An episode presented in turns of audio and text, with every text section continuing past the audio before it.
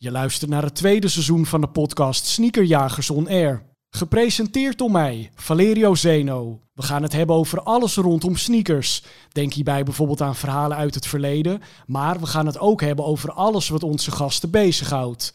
Je kunt onze podcast beluisteren of bekijken en dit kan op Spotify, Apple Podcast en YouTube. Vergeet niet te abonneren zodat jij er elke keer als eerste bij bent.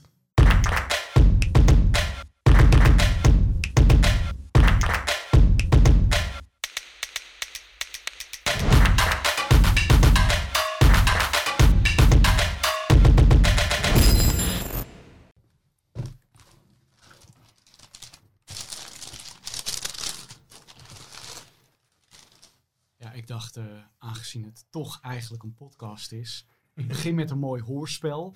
Ik heb het op dit moment uit de doos gehaald, eh, de schoen van het moment. Het is de, de Dunk SB Travis Scott. Eh, jij hebt hem ook, hè, Jamie? Jazeker, ja. Ben je er blij mee? Ik ben er super blij mee. Ik heb alleen gelijk die veters eruit gehaald. Ja, dat moet ik nog doen. Ja, want er zitten eigenlijk een soort touwveters in. En ik vind de, de lichtroze die erbij zitten mooier. Ehm, als je jongens op deze manier, of jongens, als je mensen op deze manier over schoenen hoort praten, dan kan dat natuurlijk maar één ding betekenen. Je kijkt of je luistert naar een nieuwe aflevering van Sneakerjagers On Air, de podcast. Seizoen 2, aflevering 2 in 2020. Voordat ik verder ga, even een hele belangrijke vraag richting de techniek. Staat de microfoon aan? Gelukkig. We hadden vorige week, eh, of vorige afleveringen, wat technische problemen. Maar als het goed is, moet het vandaag van een leien dakje gaan. En terwijl ik dat zeg, eh, schrik ik alweer een beetje, want ik had vandaag een technische fout gemaakt met het regelen van de gasten. Dus er zit officieel gezien maar één gast. Maar ehm, nou weet ik toevallig, hij is zo dubbelzinnig dat hij een duet opneemt in zijn eentje. Dus wat dat betreft is het allemaal weer rechtgetrokken. Brainpower, hartstikke leuk dat je er bent. Thanks man. Eindelijk. Ik heb echt moeten zeuren en zeuren, maar Ja, het, het is gelukt. Ja. Hey, zeker. Ik- Leuk man, ik heb er zin in. Eh, allereerst, voor ik het vergeet, welke schoen heb je aan? Eh, moet ik dat laten zien? Eh, ja, Of je mag het ook zeggen? ja. Nou ja, omdat we in Amsterdam zijn en we praten over sneakers en het Ik, is ik de maand wist dat je maart, ze aan ging doen. doe ik mijn Amsterdam Air Max eh, Ja. 1 aan, dacht ik. Ik even kijken. Klopt. Is echt waar. Even om te verifiëren. Eh, zelf draag ik op dit moment de, de Vans Skate High. Eh, niet de Pro, de gewone versie. Die is iets eh, dunner en eigenlijk iets minder stevig qua materialen. Maar dit is de eerste schoen eh, waar ik met Sam van Vijs Bespokes mee heb samengewerkt. Want ik had op Instagram gezien dat op een gegeven moment mensen swooshes van Nike's gingen halen op andere schoenen plaatsen. En toen dacht ik, hé, dat is wel lachen. Dus ik heb ze van een lage SB-dunk gehaald. En Sam heeft ze op eh, professionele wijze erop gezet. Ik ben er heel blij mee. Eh, richt ik me aan de andere kant van de tafel. Jamie van Heijen, bekend gezicht. Je bent vorig seizoen hier al een keer geweest. Klopt. Dit keer ben je terug als co-host. Dankjewel. Eh, welke schoen heb jij aan? Ik heb eh, de Air Max 90's aan. Het is natuurlijk Air Max maand. Dus ik dacht, ik doe eh, mijn 90's aan en dan die van eh, Off-White. Eh, De zwarte. De zwarte, ja. Ja. Eh, weet je eigenlijk of er eh, in de Air Max maand nog een, een release aan zit te komen waarvan je zegt, hé, hey, die moet ik hebben? Nou, Aangezien ze vorig jaar eigenlijk er niks mee gedaan hebben. nee, niet echt. En nu, nu komt er volgens mij weer in Amsterdam aan. En waar ik me... Samen Ik- met die Londen. ja, ik. precies. Maar ik moet ze nog in het echt zien. Want eigenlijk in eerste instantie schaamde me ik een beetje dat, dat wij als Amsterdam de minst mooie colorway hadden. Ik begreep hem niet helemaal. Nee. Maar Er staan we- drie kruisjes op en eigenlijk is Dat daar was- alles mee gezegd. Ja, eigenlijk wel. Ik, ik, dus ik begreep het verhaal niet helemaal, maar ik ben wel vaker overgehaald en als ik het toch in het echt zag, dat ik het toch wel weer voor te porren was. Ja. Dat is de ziekte die we hebben. Hè. Klopt, ja. Heb jij ze gezien, eh Brainpower? Ik heb een uh, fotootje gezien wat hoogstwaarschijnlijk die Amsterdam Air Max deel 2 is, of hoe moet ik hem noemen? Zoiets. Ja, ik, ik, ik ben het wel gedeeltelijk eens eh, met jou. Het is niet eh, super indrukwekkend. Maar het is hartstikke... Nee. Nee, ja, nee. Het is, ik ben Ik- een ik Air had Max liefhebber. toen, toen ik ze zag, dat ik dacht, dit is gewoon een, eh, een normale release. Hier is toch niks speciaals aan? Nee, het is gewoon zo'n pack waar ze dan steden in gebruiken. Dat gevoel kreeg ik een beetje. Ja. Maar hij heet ook echt de Amsterdam Air Max 1. Dat kan me niet voorstellen. Ja, volgens mij wel. Maar ja, we zijn, we zijn ook wel een beetje verwend natuurlijk. En dat begint al met wat jij hebt aangetrokken vandaag. Ja, als je met die verwachting ga, op, op het plaatje gaat klikken. Nee, dan, maar het is ook eh, niet verwachting. Het is, ik bedoel, je noemt toch niet iets wat al bestaat weer zoals iets wat al bestaat. Ja, en wat zo'n grote, bekende, gewilde schoen is. Ja, ik vind het een Ja. beetje raar. Als iemand nu een plaat uitbrengt, Thriller, moet je dat doen, weet je wel? Ja. En Ja. dan ook nog iets wat niet super indrukwekkend is. Dat vraag ik me af. Ja. Eh, Jamie, eh, jij bent eh, dus de co-host van vandaag. Waar, waar wil je het eigenlijk over hebben? Nou, ik, Heb je een onderwerp zien passeren waarvan je denkt, ja, Valerio, dat moet ik even kwijt. Nou, ik, Misschien wil je het wel helemaal niet eh, over sneakers hebben. Nou ja, ik wil, het, ik wil het zeker wel over sneakers hebben. Nou, wat, wat, ik, eh, wat ik grappig vond, eh de laatste tijd zie je heel vaak dat mensen discussiëren of je bijvoorbeeld skateschoenen, skateschoenen mag dragen, zoals de Dunk SB's, als je geen skater bent. En datzelfde geldt een klein beetje voor de basketbalschoenen en, en voor de 90s. En iedereen probeert een beetje zijn cultuur te claimen, terwijl, terwijl het langzaamaan verdwijnt eigenlijk. Dat, Ja, dat omdat vind- ze nu dan bijvoorbeeld met die Travis Scott zeggen, hé, wat komen jullie nou opeens allemaal skateboardschoenen kopen als je geen kickflip kan? Precies. Toch? Ja. Kan jij je kickflip nog? Ja, ja, ja, zeker. Ja. Ik heb een skateboard meegenomen. Demonstratie. Nee, kan ik zeker niet, man. Sterker nog, ik heb nooit geskateboard. Maar ja, eh, de dunks zijn voor mij de schoenen waar het allemaal mee begon qua verzamelen. Maar goed, in dat opzicht, een dunk is van origine toch eigenlijk een basketbalschoen. Ja, de Dunk is in het, inderdaad een basketbalschoen. En die is, die is naar de Ik verwacht skate... het bijna niet met zo'n naam. Nee, maar dat, die, eh, dat, die is naar SB gegaan omdat het niet verkocht natuurlijk. En dat iedereen op zijn Jordans ging, eh, ging skateboarden. Dus Ja. ze hebben iets gelijks gemaakt. En het heeft heel veel gelijkenis omdat het zo'n platte zool heeft. En, en, een, en een redelijk sterke bovenkant. Wat wel handig is als je de hele dag over je griptape schrijft natuurlijk. En het, er zitten veel gelijkenissen in. Maar die, het is wel een basketbalschoen die naar een skateschoen is geëvalueerd. Ja, maar en wat vind je ervan dat dat commentaar erop is van, eh, ja, jullie komen nu opeens aan de skateschoenen? Ja, ik denk, ik denk dat het lastig is. Het zijn, iedereen probeert zich weer een beetje terug te verstoppen in bepaalde culturen. En eh, eh, alles is open genoeg en dichtbij genoeg om, om je daarin te kunnen mengen. Maar al die, al die, ja, die grenzen die vervagen gewoon natuurlijk. En wat dat betreft, iedereen is een soort van sneakerliefhebber tegenwoordig. Want ja, het is, het is heel normaal geworden. Je kan je zelfs bijna niet meer onderscheiden, denk ik, daarmee. Nee. Hoe, probeer jij dat nog te doen, je te onderscheiden qua schoenen? Hoe, ligt eraan hoe je het bedoelt? Met wat je draagt? Of? Ja? Ja, ik, kijk, voor mij is het gewoon... Kan, kan je nog laten zien met je schoenen van, eh, ja, ik weet waar Abraham de mosterd haalt? Ja, ik weet niet of dat... Kijk, weet je, voor mij is sneakercultuur en sneakerliefhebberij, om het zo te zeggen. Het is gewoon begonnen met eh, de link met muziek. En gewoon dat je iets draagt wat jij tof maakt. Ik denk je eigen attitude en je eigen mindset maken een schoen tof. En tot op de dag van vandaag, ik bedoel, ik hou van exclusieve sneakers. Maar ik zeg het altijd overal. Als ik gewoon een koopje vind ergens in het buitenland en ik, ik flip het met de juiste outfit. Dan is dat voor mij het plezier van de sneakerliefhebberij. Ik heb nooit zoiets gehad van ik moet die super dure onmogelijke sneaker waar er maar tien van zijn hebben. Want anders ben ik niet cool. Ja. Dat is de omgekeerde wereld voor mij. En ook, zeg maar, Edson is natuurlijk ja, een van mijn beste vrienden. Die heeft natuurlijk heel veel eh, succes met een sterke brand. Pata. En kijk, hij en ik, wij keken gewoon op de platen hoe ze welke schoenen gasten droegen. En eh, daar werd je, helemaal eh, hype van, weet je wel. De Jordan 3, ik bedoel, dat is gewoon omdat three times dope, kid and play. Gasten droegen dat op platen, dus ik word er nou al helemaal weer blij van. En daarom vind ik de Jordan 3 tof. En een goed voorbeeld is die laatste Jordan 3, die, die rode, zeg maar. Die heel veel mensen, ja, meningen verschilden daarover. Ja. Maar dat is gewoon een hele toffe schoen. De, materia de materials, ik twijfel of ik materials of materialen wil zeggen. De materialen zijn heel tof en gewoon, het is gewoon een hele goede schoen. Dus ik, ja, ik ga niet mee met de hype, maar ik ga ook niet mee als iedereen een schoen niet tof vindt, ga ik hem ook niet halen. Ga ik ook niet in mee. Dus voor mij, je onderscheiden met sneakerliefhebberij, dat vroeg je uiteindelijk, is denk ik je eigen attitude erbij. En je eigen sfeer die je eraan geeft. En je eigen draai die je eraan geeft.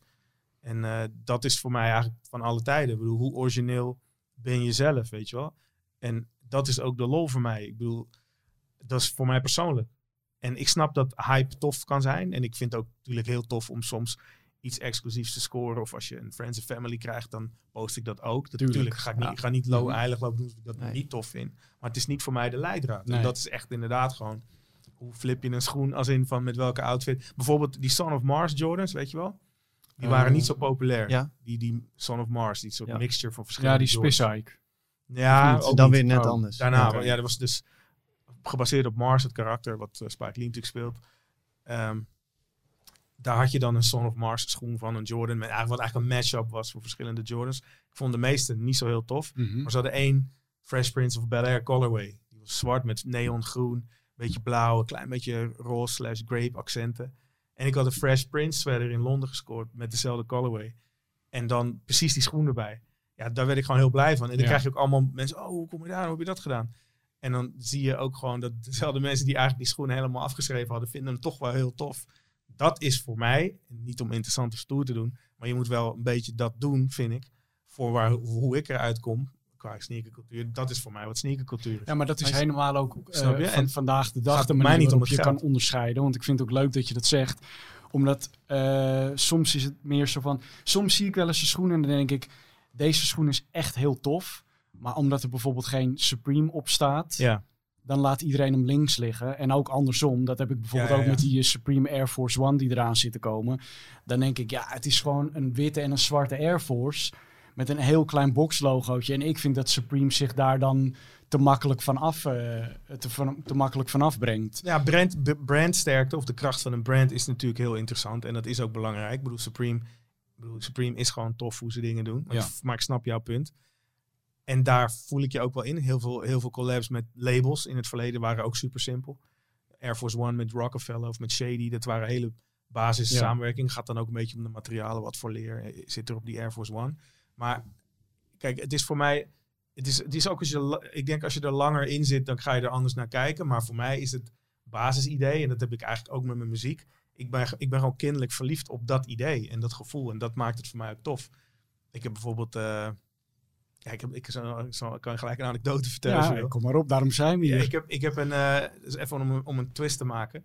Ik heb voor een paar dollar in LA heb ik eh, de dunks gekocht van Danny Trejo die hij aan heeft in Fanboys. Die Star Wars fanfilm. ik heb gaat- hem niet gezien, maar eh, ik zoek het ja, het is, het op, is ja. een niet zo'n heel bekende film, dus die movie props gingen ook voor weinig weg.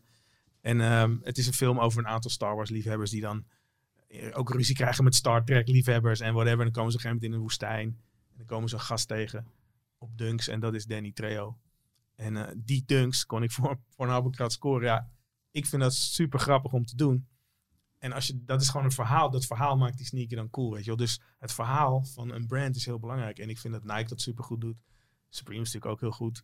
Eh, de Pata collabs zijn super goed. Maar ik voel als er een, een- een, sneaker is die totaal niet hip of populair is. En bijvoorbeeld, ik had bijvoorbeeld van die eh, Cherry Checkered Vans, die slip-ons. Dat is een schoen die op zich niet, weet je, niet, ja, niet super eh, veel besproken wordt Mhm. in ons wereldje Ja. of zo. Die had ik aan bij de première van Quentin Tarantino's eh, Once Upon a Time in Hollywood. En dan checkt iedereen van, oh, hoe, kom je eraan? En bro, die dingen liggen voor drie tientjes bij Snipes. Het is wat je ermee doet. En Ja. dat is voor mij de sneakerliefhebber waar ik echt blij van word. En, en wat is daarnaast... Dat is, make any sense. Ah, ja, absoluut. Ja, maar maar- het is wel dat, dat gedeelte wat je zegt. Kijk, ik, Je, ik je, vind- bent, jij, bent, jij bent een topkok. Ik bedoel, je kookt, weet je. Ja, maar ja, je, je komt wel, je vertelt nu ook verhalen. Dus dat, dat is toch, die schoen heeft een klein verhaaltje. Ja. Alleen tegenwoordig, als er maar een klein verhaal aan zit, moet je dus drie maanden van tevoren in de rij gaan liggen. En, en gaan mensen huilen. Nee, maar dat, dat is het nu wel bijna, omdat iedereen Ja. koopt ze met een ander doel. Ja, ja. Maar dat, dat speciale verhaal en die zoektocht, die gaat weg. En dat, dat, dat probeerde ik net te zeggen. Dat, een soort dat- lege hype wordt het dan. Het is wel lastig, zeg maar, want alles is bijna een hype.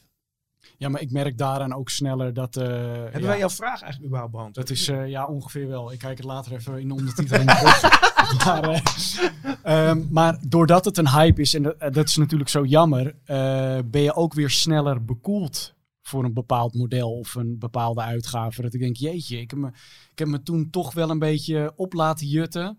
ja, En nu zijn we drie maanden verder en zo boeiend vind ik hem eigenlijk Ja. Maar ik denk dat dat komt omdat je je zoektocht mist, zeg maar. Je bent er wel heel druk mee, maar je kan niet naar de shop gaan, naar wat bedoel het je met je, je zoekt Nou ja, door die lege hype ik, dingen? Ik, ik, ik vond het vroeger leuk om alle SB-shops af te lopen. Om te Mhm. kijken of zij die dunk hadden. En of, of er iemand, of ik zo gek kon krijgen om het boekje van die maand erna te laten zien.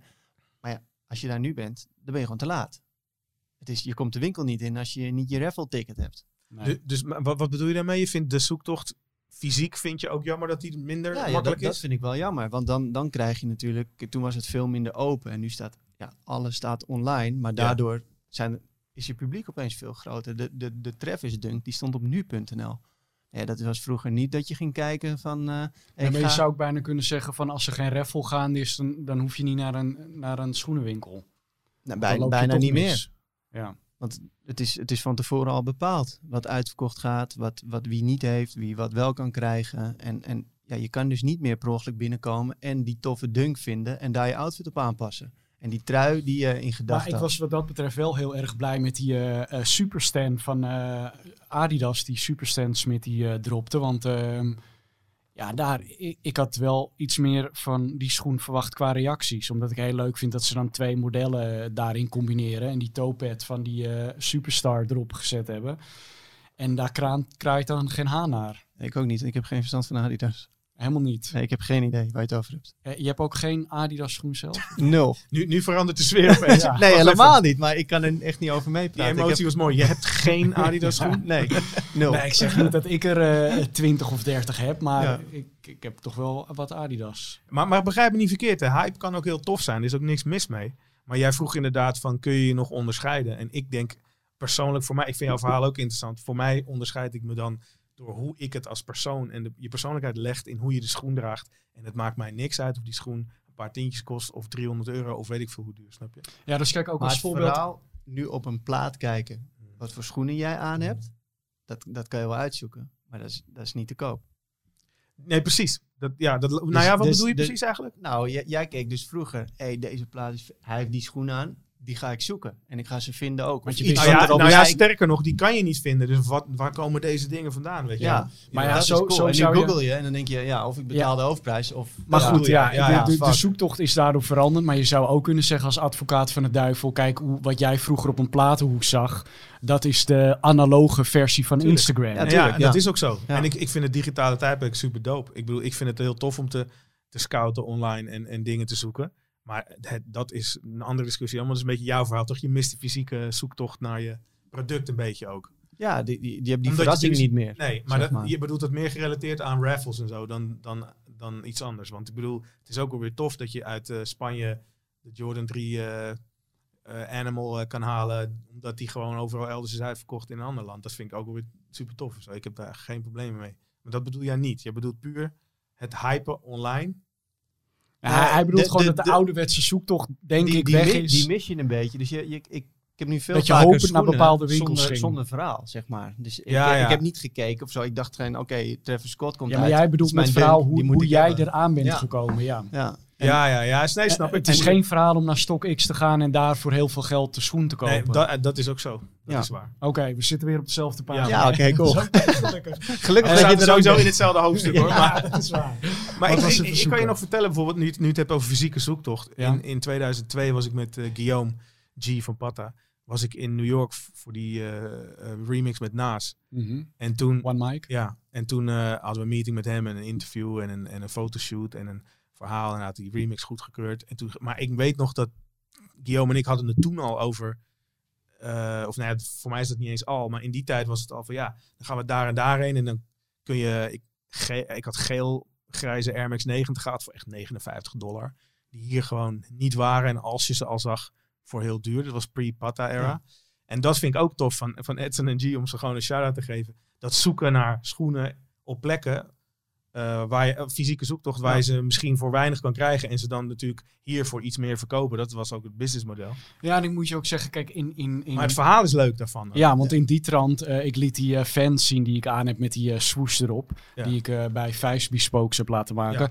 Kijk, soms maak ik met hem een paar schoenen en dan bedenk ik van tevoren... Kijk, hij heeft wel altijd een, een donorzool nodig. Mm. En dan heb ik bijvoorbeeld iets bedacht, een kleurencombinatie. En dan denk ik, oké, ik moet dus een Air Max 1 zool hebben met een, eh een, eh een onderop. Maar de, de airbubble moet eh, gifgroen zijn, ik zeg maar wat. Ja. En dan moet ik dus online op die manier gaan zoeken. Oké, welk model heeft die gifgroene airbubble? En dan ben ik nog wel echt ouderwets sites aan het afstruinen. Ja. Welk model dat dan heeft Ja. en waar ze die nog hebben. En de laatste keer eh, dat ik wat met hem gemaakt heb, die zal ik volgende aflevering aantrekken. dat zijn een soort eh, speciale Air Force One Babesta's. Eh, en daar vond ik dus uiteindelijk een Air Force in Italië. Eh, die Air Force had een, bepaald, eh, een bepaalde bijnaam. En die Italiaanse website die heeft hem onder een andere naam online gezet. Waardoor het me dus zes jaar heeft gekost om hem te vinden. En daar heb ik hem Onder wat voor naam stond hij al? Ja, dat weet ik niet meer, man. Heb een beetje verdrongen. Maar heb ik hem uiteindelijk voor 65 euro gescoord. En dat voelde weer gewoon alsof ik ouderwets Ja, snap ik. in een winkeltje een paar Ja. schoenen vond. Ja, 100%. Maar kijk, jij komt echt uit die era waar, waarbij het toen zo ging. Zeker. En maar, is het bij jou echt op plaathoes en zo begonnen? Sorry, wat zei je? Is het verzamelen van sneakers bij jou echt op plaathoes en dat soort dingen begonnen? Nou, ik, ik, ik, het is een romantisch beeld wat ik in mijn eigen hoofd koester. En Mhm. ik weet nog, een van de eerste kaarten volgens mij van Patta was een kaart met allemaal geknipte stukjes van hiphophoezen met alleen de schoenen. Ik weet nog toen ze open ging, ik stuurde ze die kaart. Maar het is natuurlijk wel zo dat ik als jochie Three Times Dope, ik weet niet of, als mensen die plaat niet kennen, check het. Groep uit Philadelphia, eerste album, Original Styling als ik me niet vergis. Op de achterkant dragen ze alle drie de Jordan 3 en ik wist niet wat voor schoen het was. Sowieso kon ik überhaupt geen Nikes betalen. Maar dat is dan, dat was de ultieme coolheid. Die gasten, wat dragen die gasten? Die muziek is vet. En weet je, hip-hop was toen ook wat naïver en puur, nog gewoon een bepaalde pure, onge, ja, onge, onaangetast soort gevoel van we moeten dit doen. Ja, en ja. ze hebben schoenen aan. Wat hel is dit voor stof en leer? En je kon heel veel van dat soort dingen überhaupt moeilijk krijgen in Nederland. Dus dat is een beeld wat ik bij me draag, wat ik tof vind. En dat is altijd wel zo gebleven. Wat hebben ze aan? Dus eigenlijk is het, als je iemand checkt op straat, wat heeft hij aan? Dat deed je toen op een platenhoes, ja. Maar, en Maar het is je- niet zo per se dat ik dat alleen maar deed, helemaal niet. maar, maar dan zag je die schoenen staan en hoe ging jouw zoektocht dan vervolgens in zijn werk? Nou ja, er was weinig zoektocht, want je had sowieso geen geld. Ik weet nog, weet je, ik bedoel, ja, ik, ik kreeg een keer eh Nikes van mijn pa in 89 bij die foodlocker hier bij de, bij de Dam. En eh, die dag gingen we ook naar Do The Right Thing, Spike Lee Mhm. film, waar de Jordan 4 natuurlijk een rol in speelt eigenlijk. Ja. Ik weet, nu, om eerlijk te zijn, weet ik niet meer welke Nikes het zijn. Dat stoort me ook heel erg. Maar dan kreeg ik dan een keer schoenen en dat was gewoon geniaal en geweldig. Maar er was helemaal geen zoektocht, want je had helemaal geen geld. En als ze al, als ze al verkrijgbaar waren, waren ze überhaupt niet te betalen. Dat waren eigenlijk alleen gewoon rijke luiskindjes of bepaald soort hustlers. Die hadden die Nikes, weet je. Dus ik bedoel, de, de Air Max 90 kan ik, het is 30 jaar geleden dat die eh, uitgekomen is. Dat beeld staat traumatisch in mijn hoofd gegraveerd. De eerste Air Max 90, Bakker Sport in Alphen aan de Rijn. Hing die aan de muur, 369 gulden 95. Ja, Forget about it, man. Dat kun je Ja, maar kijk, never, het was nooit bereikbaar. Precies, nee, Daarom koop ik nu nog steeds de Air Max 90 ja, zodra het om, kan. omdat eigenlijk dat Ja. jeugdtrauma Ja, dat is natuurlijk een, dat is, terug dat, te dat pakken. is ook een oud verhaal. Dat Ja. ik al vaak een interview zeg, maar dat is natuurlijk wel waar dat ook vandaan komt. Maar kijk, weet je, ik vind het wel leuk dat je zegt van, eh, ja, ik had geen geld, dus die zoektocht, die was er niet. nee, Maar ik, ik had bijvoorbeeld, kijk, als kind eh, kwam de Game Boy uit. Ik dacht, wow, wat is dit? Maar ik ging het liefst iedere dag naar de Bart Smit. Om te kijken, om Ja, te om kijken te alleen. Ja, kijken. Ja. En als ze zo'n display hadden dat je kon spelen, weet je Nee, wel. ik ging, ik, absoluut ging ik naar die winkels. Dus B- Bakker Sport heette die winkel. Af had je er twee van volgens mij. Intersport weet ik veel. En natuurlijk eh, als je in Amsterdam was. eh, of in eh, Antwerpen of waar dan ook. Dan, dan, en je zag die dingen in de winkel. Dat is gewoon alleen al... Bedoel, de- jongen, het is, gaat zo ver. Ik heb een nummer uitgebracht. Het is niet een heel bekend nummer. Box Fresh. Jij kent het volgens mij wel. Mhm. Met Ladybug Mecca van The Diggable Planets. Heb ik opgenomen in New York. En die single is jaren geleden uitgebracht. En je moet maar checken voor de mensen die het leuk vinden op Spotify. Box Fresh. Brainpower featuring Ladybug Mecca. En dat is die kruk die eh Mhm. het van de opwinding. En ehm, de cover van die single, daar sta ik voor een, voor een soort rood vlak. Met die Air Max 90, de reissue uit 2010 was het toen. Ja. De infrared, die eigenlijk vroeger heette die volgens mij Coral Red of een ander soort rood. Die was het. Sta ik op de plek waar vroeger die sportzaak was. Daar zit nu een C1000 of een supermarkt of zo. Zo ver gaat dat dat ik naar Alphen teruggegaan ben om de cover te schieten van die single. Op de plek waar ik die schoen voor het eerst zag, 20 jaar later met de reissue. Dus het is wel echt een ding als liefhebber.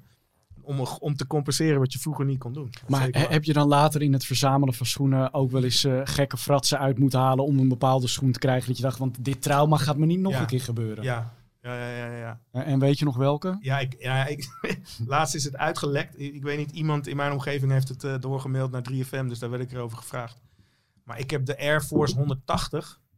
Volgens mij heet die Pearl Grey Rave Pink. Die grijs zwerde met een soort donkerroze, bijna paars. Ja. Ja. met een soort heftige swoosh met oranje. We zien hem nu in beeld. Ja, Als het goed is. Ja. Ehm, die heb ik gescoord in Brooklyn. Albee Square Mall, als ik me niet vergis. Legendarische mall. Heeft Bismarck hier een liedje over gemaakt. Maar ik heb het mijn vliegtuig gewoon gemist naar Amsterdam. Omdat ik per se die Air Force 180 moest hebben. Ja, dat, dat is gewoon best wel veel moeite voor een schoen. Maar en hoezo heb je vlug gemist dan? Hoe ging dat? Ja, ik moest die schoen hebben. En New York, ik weet niet of je er wel eens geweest bent. Mhm. En eh, het is natuurlijk een vrij grote stad. En het was vrijdagmiddag. Ik ging vroeg weg uit het hotel, half één, zo één uur. Ik denk, ik ga gewoon naar Brooklyn. Ik ga terug, pak mijn spullen en ik ga naar het vliegveld. Tien over zes was die vlucht. Maar dan moet je uur of half vier wel ingecheckt zijn. Laten we dat daar ongeveer behouden. Amerika kan ook strenger zijn. Ik denk, red ik wel. Forget about it. Dus op een gegeven moment was ik aan het pushen. Ik denk, ah, ik haal het wel. Tien of zes haal ik wel. Op een gegeven moment was het half vijf. Ik denk, het wordt een hele lastige, maar ik ga het nog steeds proberen. Kwam ik die schoen tegen in, een, in het laatste winkeltje in het winkelcentrum. 110 dollar, boem, nemen, inpakken, taxi terug. Super spits. Stond vast als een malle. Nee, ja, dat is gewoon finaal het vliegtuig gemist. Maar vind je dat dan ook echt eh, vervelend op Ik dat vond het heel erg Ja, verschrikkelijk. ik heb, maar ik heb die schoenen. Ja, het is gewoon slecht tijdmanagement. En ik, ik heb gewoon die schoen de prioriteit verleend. Het was gewoon heel onhandig. Ik zag de vliegtuig, het stond er nog. Maar die gast zei, ja, je bent gewoon te laat, man. Ja, Ja. en ik nog, weet je, dan ga je denken, ja, maar hij staat daar. Ga je nog, word je zo'n onredelijke eh, customer voor je het weet. Dus Weet je wel wie ik ben? Nou, dat zou ik nooit zeggen, Oh. maar het vliegtuig staat daar. Ja, ja, toch, ja. is toch wel... Ja, ja. Maar de- nee, die gast zei, ja, man. Je kan een nieuw ticket boeken daar aan die balie. Dus dat kostte me wel een nieuwe ticket. Heb je die schoenen nog? Ja, zeker. En eh, in de tijd dat eh, internet eh, niet zo Maar floreerde. is dat een antwoord op je vraag? Ja, ik absoluut. bedoel, er zijn ook anekdotes genoeg, maar dit is wel een ding. Nou ja, ik, ik- Nu vind ik het leuk om te ja. zeggen, maar ik baal er daar wel van. Alleen Ja. het is, het, om te, sorry dat ik je onderbreek, maar het komt terug op dat gevoel van, ik laat me niet... Nog een keer. Ja. Ja, Dit door de best vingers. wel erg eigenlijk. Dus over hype Ja. gesproken. In die zin ben je als kind soort van gevangen in een gevoel van hype. Of het nou wel of niet bedoeld is door een merk. En daar, daar volg je eigenlijk nu nog op. Dus de geniale marketing van Nike en, en, en weet ik veel wie erachter zit. Nou, dat weten we natuurlijk allemaal wel een Ja. beetje. Maar is wel Ja. heel goed gedaan. Ja, als ze naar onze podcast eh, kijken, dan denken ze... Ja. Onze slaven. Nou ja, in die zin eh, is het natuurlijk... Maar het is waar je gelukkig van wordt. En ik vind, dus, dus nu het zegt... Mensen vragen me altijd, is die sneaker eh, liefhebberij een verslaving? Ik kijk ook soms naar jou gewoon. Is het een verslaving? Maar ik vind het een verrijking. Want ik ben er niet van afhankelijk. Ik, ik ga er niet onder gebukt of zo. Ik rook niet, ik drink niet. Ik sport en ik spaar sneakers, ja. Ja, maar ik Zo praat ik het voor Ja, maar- mezelf goed. Maar kijk, ik, ja, precies. Ik, zou, ik, ben, ik ben het met je eens, maar ik zou soms toch ook hebben van. ehm, nou ja, ik zou ook wel. Ik zou eerder eh, uit eten gaan, laten schieten, omdat ik zou denken. Ja, maar koop ik liever een paar schoenen. Snap ik. En, eh, en Ligt eraan met wie je het eten gaat. ja, dat zeker, ja. Maar dan. En welke schoenen? Ja, maar dan vind ik toch dat je je soms. eh, dat je het niet helemaal onder controle hebt. Nou ja, we hebben het er wel vaker over. Ik bedoel, Die drang. Ja, En dat, je, je, je oppert eigenlijk dat dat bij jouzelf dan neigt naar... Is dat een verslaving of niet? nou ja, ja. Ja, maar heb je nooit dat je denkt, oké, nu moet ik echt Ja, ik denk schoenen van gaan wel. kopen? Ook omdat ik zo vaak denk van, nou nu stop ik ermee. Of nu ga ik minderen. En dat is me, ik heb het heel vaak gezegd. Ja, kijk, ik ben natuurlijk een woordenmens. Dus verslaving ja, is een klote woord. Het is een verrijking. Maar heb je nooit dat je denkt, ik ga, ik ga minder schoenen kopen? En dat, en dat Oh lukt, jawel, dat denk ik. en lukt dat dan? Nou ja, ik, ja, dat lukt wel bij tijd en wijlen. Ja. Ja, precies, Precies. Maar precies dit. En, en dan denk ik dat je verslaafd bent. Ja, ik Ja, stop met snap ik. heroïne. Ah, doe toch even één shot. Ja, maar ik, Even vind, ik, nee, ik snap het, maar ik, ik hou niet van. Ik vind, het een, ik vind het een woord wat je vastketent aan iets. Verslaving. Ik bedoel, er gaat helemaal niks gebeuren als wij morgen nooit meer sneakers kopen. Als je af moet kicken van een. Van een Ja maar, ja, maar het is meer gewoon het punt van... eh, als je eerlijk bent, het lukt dus niet. nou, weet ik niet. Ik heb echt heel veel dingen weggedaan en weggegeven ook. Dus dat, dat is gewoon een mindswitch die je maakt. Het is gewoon iets waar je blij van wordt. En niet, het is niet ongezond. Dat vind ik, ik vind het woord verslaving toch wel licha- link, gelinkt aan iets wat niet goed voor je is. Nou ja. Maar misschien Ja. ga ik nu eh, te ver in eh, op de definitie In, van in een interventie, maar- ja, precies. Eh, nou, nou heb ik een keer gehad dat eh, een, eh, een vriend van mij, die is ook binnenkort hier een keer te gast, die ging naar Japan. Mhm. En ik noem zijn naam voor nu even niet, maar als hij hier is, ga ik hem zeker erop aanspreken. Toen vroeg ik aan hem, hey, als je in Japan bent, Tokio, kan je dan voor mij die Supreme trainer meenemen? Er kwamen er vier verschillende uit, een witte, een rode, een blauwe en een zwarte. En ik vroeg hem die rode mee te nemen. En toen kwam hij met die schoen in Nederland. Hij zei, ja man, ik heb hem, ik heb hem. Maar ik heb de doos daar gelaten, want eh, ja, moest anders moest in mijn koffer. ja, en ik kookte van woede, maar ja, ik kon ook niet boos worden, want Ja, blij zijn dat hij überhaupt precies. Ja, ja, ik, ja maar, maar kijk, nu komen we op een heel interessant punt. Ik ben blij dat ik hier gekomen ben. Dit is de tik van de collector. Dat is een verzamelaarsding. Ik bedoel, eerlijk man, Valerio. En ik weet natuurlijk het antwoord al, want die ken je langer dan vandaag. Je hebt ook schoenen... Nee, wacht. Heb jij wel eens schoenen dubbel gekocht? Ja, zeker. Eén in de doos, één om aan te doen. Ja. En wat ik nooit zal vergeten is, je Just for Kicks, die documentaire Ja. uit 2005?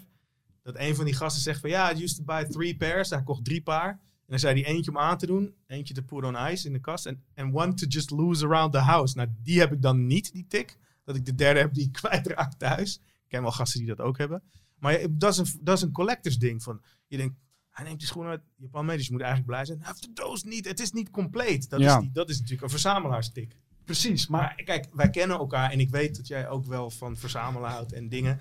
Wederzijds heb ik ook. Maar het is natuurlijk eh, eh, eigenlijk los van de sneakerliefhebberij. Want dan wordt het een collector stick van hij moet compleet zijn. Maar doe je dat dan omdat je dat echt zelf wil hebben en bekijken? Of doe je dat omdat je ook voor de resale... nee, kijk, want Ik zo... ben geen reseller, weet je. Dus Kijk, ik heb dus zo bijvoorbeeld gehad aan het begin eh, dat ik schoenen kocht. Dan kwam er een eh, Olympische Spelenpack uit. Ja. En elk paar schoenen had de kleur van die ringen. En dan wilde ik er één of twee. Maar ik moest ze allemaal hebben, want dan had ik ze compleet. snap ik. Kijk, en die dingen heb ik allemaal uit mijn verzameling gefilterd. Omdat ik dacht, ja, wees gewoon eerlijk, die, die wilde je niet. Maar die schoen die voor mij uit Japan is meegenomen, die heb ik uiteindelijk verkocht. Omdat ik geen doos erbij had. En dat trek ik niet. Dan kan ik gewoon, dan kan ik niet meer genieten van die schoen. Obsessief gevoel van hij Ja, is echt hoor. Iedere keer als ik het het. zie, dan denk ik, ah, net Ik niet. snap het, ik snap het. Ik snap het. Ik vind, ik heb, ik- als je schoenen bestelt online ook, dan soms komt de doos, ik zal geen Oh, winkels man, noemen, hou komt de doos op, ja. beschadigd aan. Ja, ik, ik bedoel, ik zal de schoen noemen. Ik dat vind ik een fantastische schoen. De Cortez Stranger Things, die negen- Mhm. 1985, die rode. Ja. Je moet van Cortez houden. Ik heb natuurlijk een heel sterke link met LA en ik hou van de, van, van de streetwear culture daar ook. En de Cortez is natuurlijk best wel een West Coast schoen ook. Maar ik hield altijd van die schoen. Rood leer. Ik moet meteen aan de, de game denken. Of, eh, ja, de game gewoon de, ook, maar gewoon, eh, het is gewoon natuurlijk ook echt een ding wat veel en gedragen Kendrick Lamar had een paar Cortez, hè? Ja. Het is een West Coast schoen, maar kijk, rood leer, Stranger Things, goede serie, vette soundtrack, Nike, 80s, mooie doos met. eh, Jij bent om. Ja. Ja, met, met eh, pins erbij, eh, buttons, weet ik veel hoe noem je het. Mhm. Ja. Goede prijs. ik bestel hem en dan komt hij binnen. Super dikke winkelhaak scheur in die doos. Terwijl ik denk, als ik ze al aandoe uit en uit die doos haal, dan ga ik die doos voor mijn bonnetjes bewaren. Heb ik een leuke Nike Stranger Things doos. Maar dat, dat vind ik nog tot op de dag van vandaag zo storend dat ik, ik heb hem nog een keer gekocht. Omdat ik daar niet tegen kon. En, en bij die winkel, daar ben ik heen gegaan. En ja, ze hadden niet nog één. Ik kon die deksel niet verwisselen. Gast, en dat, dat, weet je, dat vind ik wel jammer, man. Ik ben niet iemand die klaagt, maar er, ik mis wel een bepaalde mate van liefde en serviceverlening in deze sneakerliefhebberijbranche, omdat het voor sommige mensen ze helemaal niet boeit. Of het bij jou wel of niet beschadigd aankomt. Je krijgt het in een vuilniszak Nou, opgestuurd. Dan, ja, het dan wordt wil ik nu wat vertellen. op, man. Ik, ik heb een keer een paar via Toch? Marktplaats gekocht. Die gast die heeft dus de schoenendoos gewoon in een zak verstuurd. Dus die schoenen die kwamen bij mij, of die doos die kwam bij mij Maar dat is nog aan. een particulier. Ja, maar dan denk ik... Dit is een oproep aan alle mensen. Ja, dit is een oproep aan alle mensen die toevallig een keer in deze podcast verzeild geraakt zijn. Dat kan je niet maken, ja? Eens. Jullie maken Eens. mijn leven kapot. Eens met Valerio. Verdomme. Tel hem, tel hem. Ja, Maar, maar, maar, maar dan, kijk, dat is inderdaad dan een particulier iemand die misschien niet zoveel met die sneaker heeft, whatever. Maar een zaak, een, een, een gerenommeerde winkel, zou dat niet moeten doen. nee. Maar denk je niet dat dat ook langzaamaan nu komt omdat er zoveel online gaat? Dat de, de, de liefhebbers die staan meestal niet meer in de winkel. Ja, ja, maar dat is een heel goede eh, opmerking. Hey, maar ik heb trouwens ook Want daardoor gehad- krijg je gewoon langzaamaan dat het gewoon ook ja, meer werk Maar, eh, wordt. dus de, eigenlijk de, de craft van de liefhebber is in die zin wel uitgedund. ja, als je, ja, er zijn echt nog wel een paar winkels waar, waarbij dat nog steeds zo is. Maar die hebben een heel hoog imago dat het cool is om er ook heen te gaan. Maar heel veel, heel veel zaken hebben echt wel een probleem met liefhebbers in huis te krijgen. En die, die ook onderdeels, een soort van local heroes moet je toch wel hebben. Ja, en dat, en dat, dat neemt wel af. Maar ik moet zeggen, back in the days, in de jaren negentig in New York, had je ook heel veel winkels waar het helemaal niet tof was om daar binnen te komen. Het was helemaal niet een liefhebbersgevoel. Was, Nee. gewoon, was gewoon helemaal niet cool. Gewoon. En Ja, niet alleen in New York. Ik ben in meerdere plekken geweest. Ik dacht van, hier wil ik helemaal niet eens wat Nee, het is kopen. gewoon een gare dat- winkel. Nou ja, gewoon de winkel was, ik ga ook geen namen noemen. Het was wel een coole brand, misschien of een toffe winkel. Of underground, of het was toen underground, het is nu groot. Maar je, ik, ik ga niet in een winkel geld uitgeven waar iemand me aankijkt van, en iedereen aankijkt. Ik was met TLM Alsof bijvoorbeeld daar. Alsof, wat, ja, wat moet je hier eigenlijk? Ja, ja. En wij zijn heel cool en jij totaal niet. Ben je dan een liefhebber? Dus ik wil, ik wil ook, dat vind ik ook tof, om, om jonge kids en mensen die net in de sneaker liefhebberij komen of de sneaker wereld, whatever. Het was vroeger in die zin helemaal niet beter. Ik denk, dat, ik denk dat er nu zoveel is dat het nog uitgedunder is, liefhebbers te vinden. Maar vroeger was het ook niet zo dat je in elke toffe winkel een liefhebber had die jou kon vertellen wat er met die schoenen aan de hand was. Dat Nee, was Nee, maar maar zeker. daarom- maar op een gegeven moment hoorde dat natuurlijk ook Ja. bij het imago dat je in een winkel als bijvoorbeeld Supreme of Bathing Ape kwam. Of eh Billionaires Boys Club was dat aan het ik begin heb, ook ja, zo. ik heb nog voor, of- over voor die tijd zelfs. Daar kwam je echt binnen en dan werd je aangekeken van eh, wat kom je hier in godsnaam doen? En als je daar naar een product vroeg, dan eh, zeiden ze nog net niet... eh, ja, ik heb ook bij Supreme gehad. Wilde ik een tuinbroek kopen? Ik zeg, hey, heb je nog geen maat S? Nee man, alleen M. Ik zeg, is goed, doe maar. Gaat je niet passen. ja, maar, Ja, maar het is wel waar. ja, maar dat bepaal ik nou. nee, nee. Ik had, ik, had Dat die, zit als gegoten. ik had die guy gezegd, hij moest het niet aan jou verkopen. man. Nee, maar waar even zonder dolle, ja. Ja. Maar ja, dat hoort natuurlijk gewoon bij het coole imago. Ja, en eh, uiteindelijk... Maar eh, is dat Ja, maar is dat waar cool? we Het ook is- weer het terugkomen op dat je alleen maar skate schoenen mag kopen als je een skater bent? Nee, maar ik denk dat dat gewoon echt... Want dat eh, was het- toen het hun- coole imago hun- van Supreme hoort. Ja. Van, we kunnen alles maken en eh, zo. Ja, ik, ik, ik ben ook wel eens eh, bij Supreme binnengelopen en dan kon je gewoon nog wel de Nike's kopen. Nou ja, het maar. is, het is wel een ding, om door te gaan op waar jullie het over hebben. Het is wel een ding, dat begrijp ik wel, dat je je eigen cultuur wil beschermen, je subcultuur. En dat opeens komt iedereen erbij kijken. Ja. Maar dat was niet dat gevoel. Het waren ook gewoon ge- mensen die gewoon dit soort fake imago uitstraalden van... Het is gewoon poppenkastachtig ding Ja. eigenlijk. En dat, het is namelijk ook niet van we willen dit beschermen, want het is cool en wij zijn het echt en jullie snappen het niet. Dat is een subcultuur ding wat natuurlijk heel veel genres in muziek en sneakercultuur en andere dingen hebben dat gehad. En brillen is ook een hele cultuur, weet je, vintage brillen. Eh, dit- zijn wij, wij snappen het en jullie snappen het niet. Dat, dat begrijp ik, maar dat was het ook niet. Het was puur een soort lege attitude. Ja, dat is gewoon niet tof, snap je? Ik, nogmaals, sneakercultuur is gewoon, ik kan letterlijk, ik bedoel, ik weet nog jaren, jaren geleden, zat ik met Edson in de auto, we waren bij EPMD geweest. En we draaiden Ultramagnetic MC's op de terugweg. En letterlijk, Edson zat gewoon een uur te lachen en te gillen. En ja toch te roepen en lyrics mee te doen. Die joy, dat ik met, dat ik met hem een uur in de auto zit en geen woord wissel, alleen maar lach en lyrics meedoe. Dat zit voor mij, en ik denk ook wel voor hem, in sneaker liefhebberij. En dat, ik word er gewoon ook blij van als ik dat vertel. Dus als ik op een plek kom waar er echt nul sfeer is. En iedereen, of zelfs sterker nog, wat moet, je, wat moet jij nou? Ja, daar ja. doe ik het niet voor, weet je. Ik heb wel eens iets gehaald in een winkel op die manier. En dan denk je later, eigenlijk doe je jezelf tekort, snap je? Wat ik bedoel? Ja, Ik absoluut. gewoon pas, het gaat eigenlijk om passie. Ja. Als ik ook in een restaurant eet, maakt niet uit hoe duur of goedkoop het is. Ik wil iemand die weet wat hij doet en de passie, snap je, daarachter. Nee, maar ja, dat, dat is ook wel zo. En, en op straat is natuurlijk je verbinding. Ja, ik heb Ik jou hou leren- ervan. Ik, zeg niet jou- dat het zo moet, ik maar ik hou leren kennen door sneakers. Ja, We keken naar elkaar schoenen en zo zijn we in gesprek ja, geraakt. ga je. Ja. En dat, dat, dat, dat is superleuk natuurlijk. Maar als iemand dat andersom draait, dan is het wel lastig. Dus dat, dat je daarmee probeert te boycotten om mensen Ja, je toe te ja. komen. Of van te bepalen van tevoren of je er wel of niet bij hoort. Dat is wel, dat is wel een lastig ding. En we behandelen nu verschillende dingen door elkaar een beetje, maar dat is tof. Het gaat mij gewoon een passie. Bijvoorbeeld, wat ik zeg qua voedsel ook. Het was een kleine, volgens mij was het Venezolaans steentje Curaçao, waar ik jaren geleden had. hem Aan de rand van het eiland. Het was een heel klein houten keukentje. Een paar eh, gasten die dat deden. En die hadden zoveel passie voor hoe zij die vis maakten. En ze legden ook uit waarom en seasoning en al die dingen. Ja, dat vind ik gewoon geniaal. Ik vind dat echt geniaal. En het, gaat mij puur om een beetje passie. En dus liefhebberij. Ja. En vanuit je hart spreken. En natuurlijk is streetwear een megaproduct geworden. En natuurlijk is, is er hype. En dat is natuurlijk niet van vandaag of gisteren. Dat is al decennia lang. En dat is ook goed. Ik bedoel, de reden dat ik de Jumpman nog steeds een fantastisch logo vind, is Tinker Hatfield. Mhm. Die met Michael Jordan en een goed reclamebureau in de tachtiger jaren iets geniaals deden. Er is niks mis mee. Maar puur in winkels, de beleving. Hetzelfde ook al koop je iets online, dan wil je ook een tof mailtje. Ja, tof, thanks for your purchase. Sommige gasten stoppen er een paar stickers bij. Dat is veel toffer dan iemand die in een vuilniszak een gescheurde doos opstuurt en, en geen thuis geeft als je een klacht indient. Ja, ik heb ook wel eens dat ik eh, bij, een, eh, Ja- bij een Japanner wat dingen bestel. En die doet er altijd een handgeschreven briefje bij. En dan eh, de ene keer chocoladestokjes, dan soort gummy snoepjes. En die kijkt ook naar het weerbericht hier. En dan zegt hij, I saw the weather is really hot over there. Nou, en dan denk ik, wow man, Dat hij cool. gewoon zo... Dat is tof, man. Hij verdient daardoor helemaal geen extra geld. Ja, in de long eh, term natuurlijk wel. Want ja, ik, ik vind het leuk Zo. om bij hem te kopen. En dan denk ik, ja, het is toch mooi dat dat zo... Hij weet helemaal niet wie ik ben, heeft me nog nooit gezien. Dat is tof. En dat mensen dat doen. Maar we hebben het over eh, verzamelen net, hè.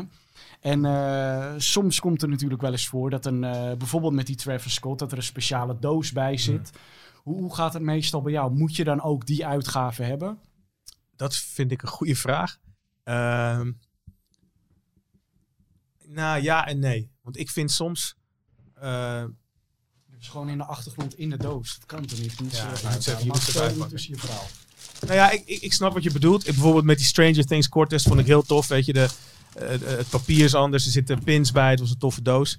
Ehm, maar ik heb ook wel releases gehaald die gewoon niet de originele limited edition doos hadden. Want je krijgt dan natuurlijk ook de release die dan uitkomt zonder de super exclusieve doos. Ja, dat vind ik, dat, de, over de jaren heen vind ik dat minder belangrijk geworden. Omdat ik merk dat ik het als collector tof vind, maar ik doe vaak niet zo heel veel met wat je er wel of niet bij krijgt. Als collector, als, als, als, als eh, completist, zeg je Mhm. dan in het Engels, dat vind ik dat wel tof. Maar het is voor mij toch ook wel belangrijk dat de schoen gewoon tof is. Bijvoorbeeld de eerste Yeezy eh, van Nike, toen Mhm. nog, 2009.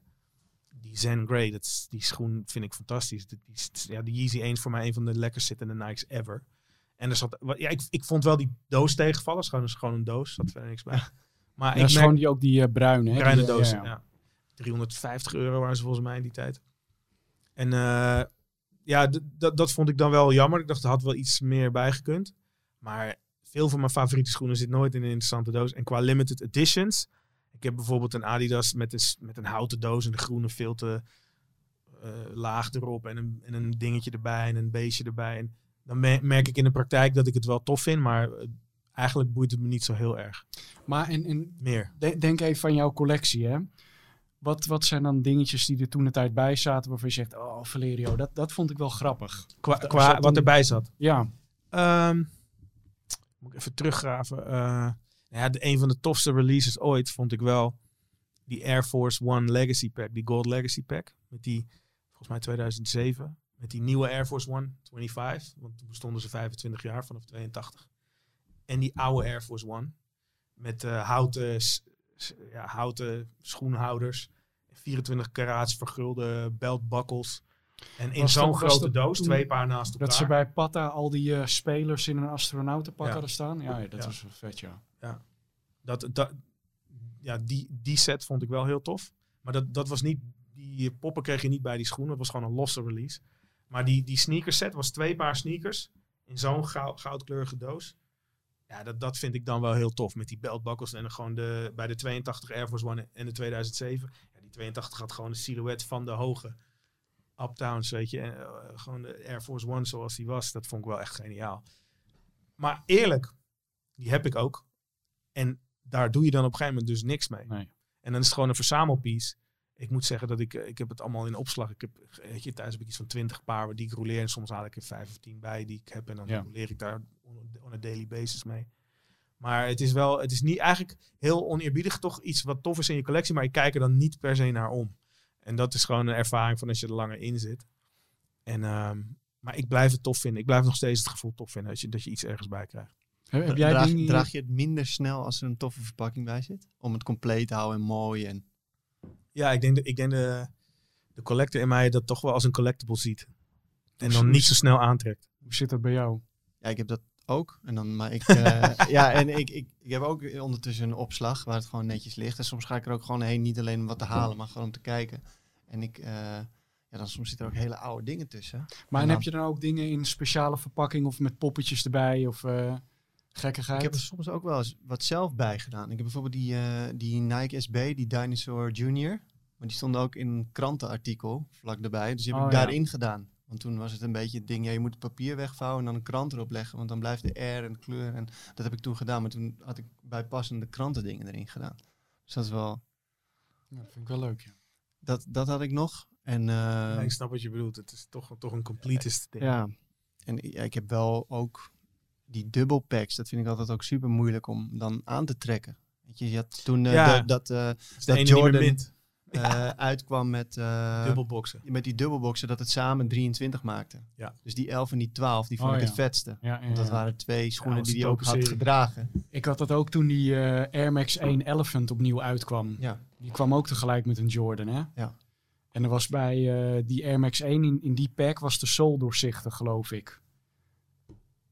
Baal ik eigenlijk nog wel van, met terugwerkende kracht. Nou, dat je hem hebt gedragen of niet hebt. Nee, dat ik hem niet heb. Ik heb gewoon de, de, ge- de gewone reissue van die Elephant. Jij kan bij mij komen kijken. Oké, nou, dan kom ik mo- morgen even kijken. Ja, ja, je, je komt natuurlijk ook op een gegeven moment uit als je dingen lang bewaart. Dat ze ook kunnen vergaan. Ja.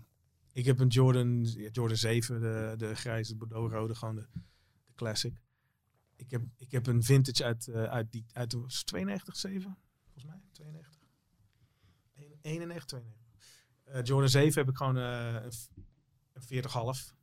De maat ik toen had. En nu heb ik 41. Maar weet je, dus ik heb, ik heb dan de reissue uit 2010. En ik heb die reissue. eh, En dan die, weet je, die bruine patta schoen en die grijze. En ik heb dan die oude nog. Ja. Die oude ga ik gewoon nooit meer aandoen. Maar die slaat wel uit van ellende. En Ja, ja. gaat bijna gewoon. Ik moet zeggen, Jordan 7 is een hele goede schoen. heeft niet de ellende van andere schoenen dat het helemaal verpulvert. Ja. Maar je krijgt wel te maken met, met ook uh, vooral Air Max 1 schoenen. Gewoon verkleuring van air bubbles en, en uh, dingen vergaan op een gegeven moment. En dat bijvoorbeeld die uh, Viotech. Is, nee, is dat, zeg ik dat goed? Wacht even.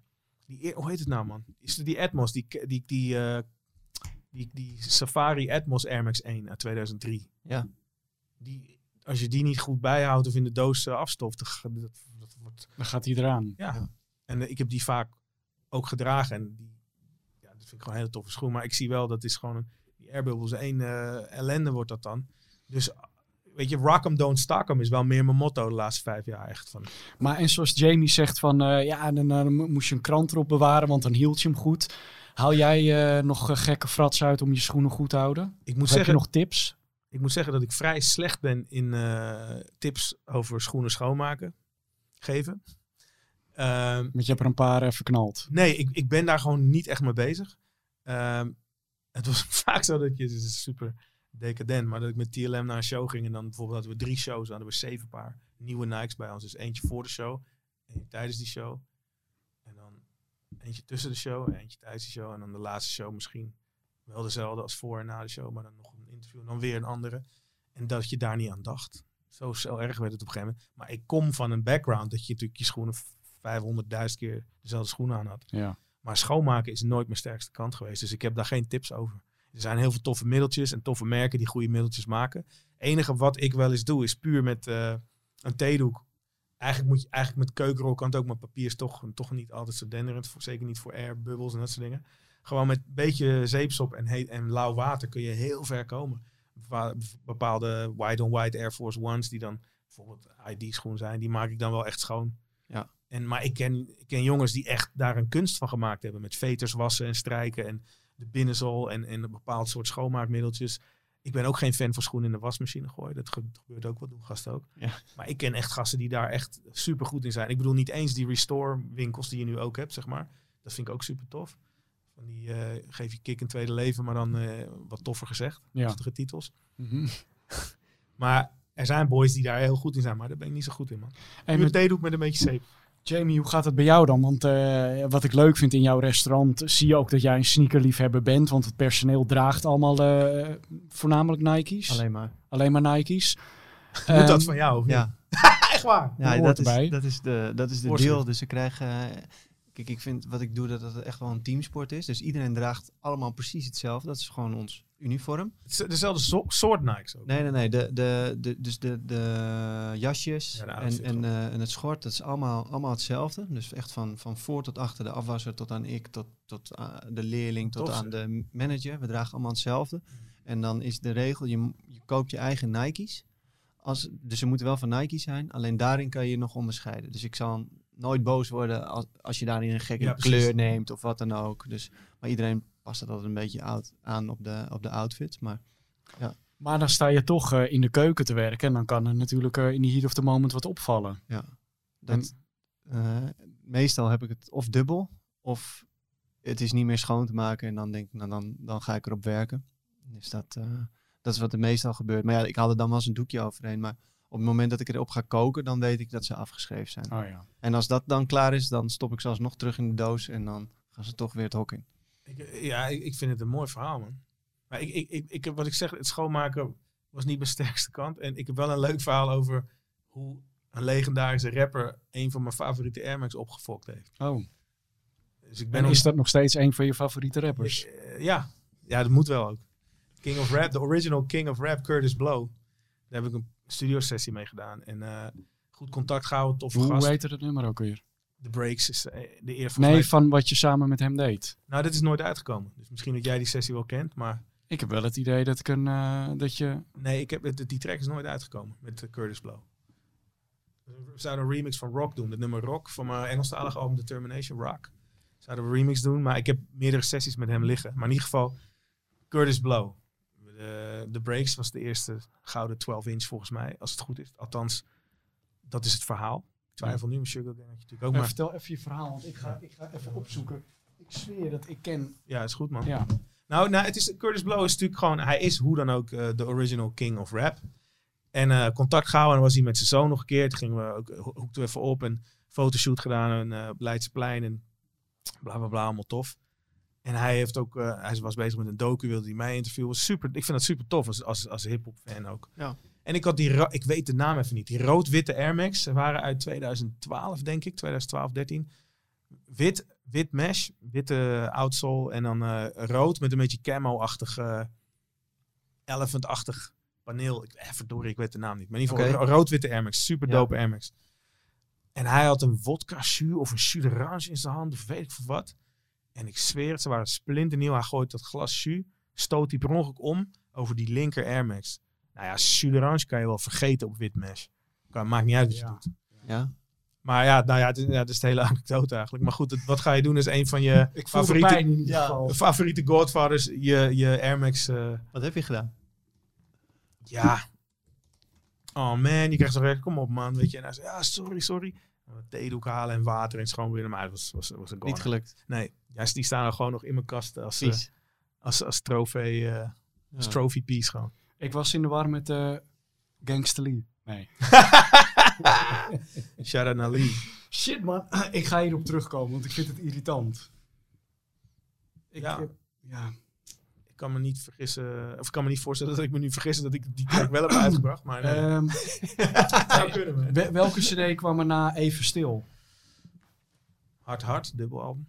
Oh, daarover Ja. gesproken. Nou, ja, Je hebt wat meegenomen. ja, jij vroeg of ik wat mee wilde Ja. nemen. Ja, dit is eh, dan even een heel ander verhaal. Het is, eh, dit is mijn archiefkopie van Hard Hard. Ik zal het even laten zien. Voor de mensen die het niet weten, of moet ik niet laten zien, kan ook. Ehm, ja, rode cd hard met een T, zwarte cd hard met een D. Dit is de hard met een D en dit is hard met een T.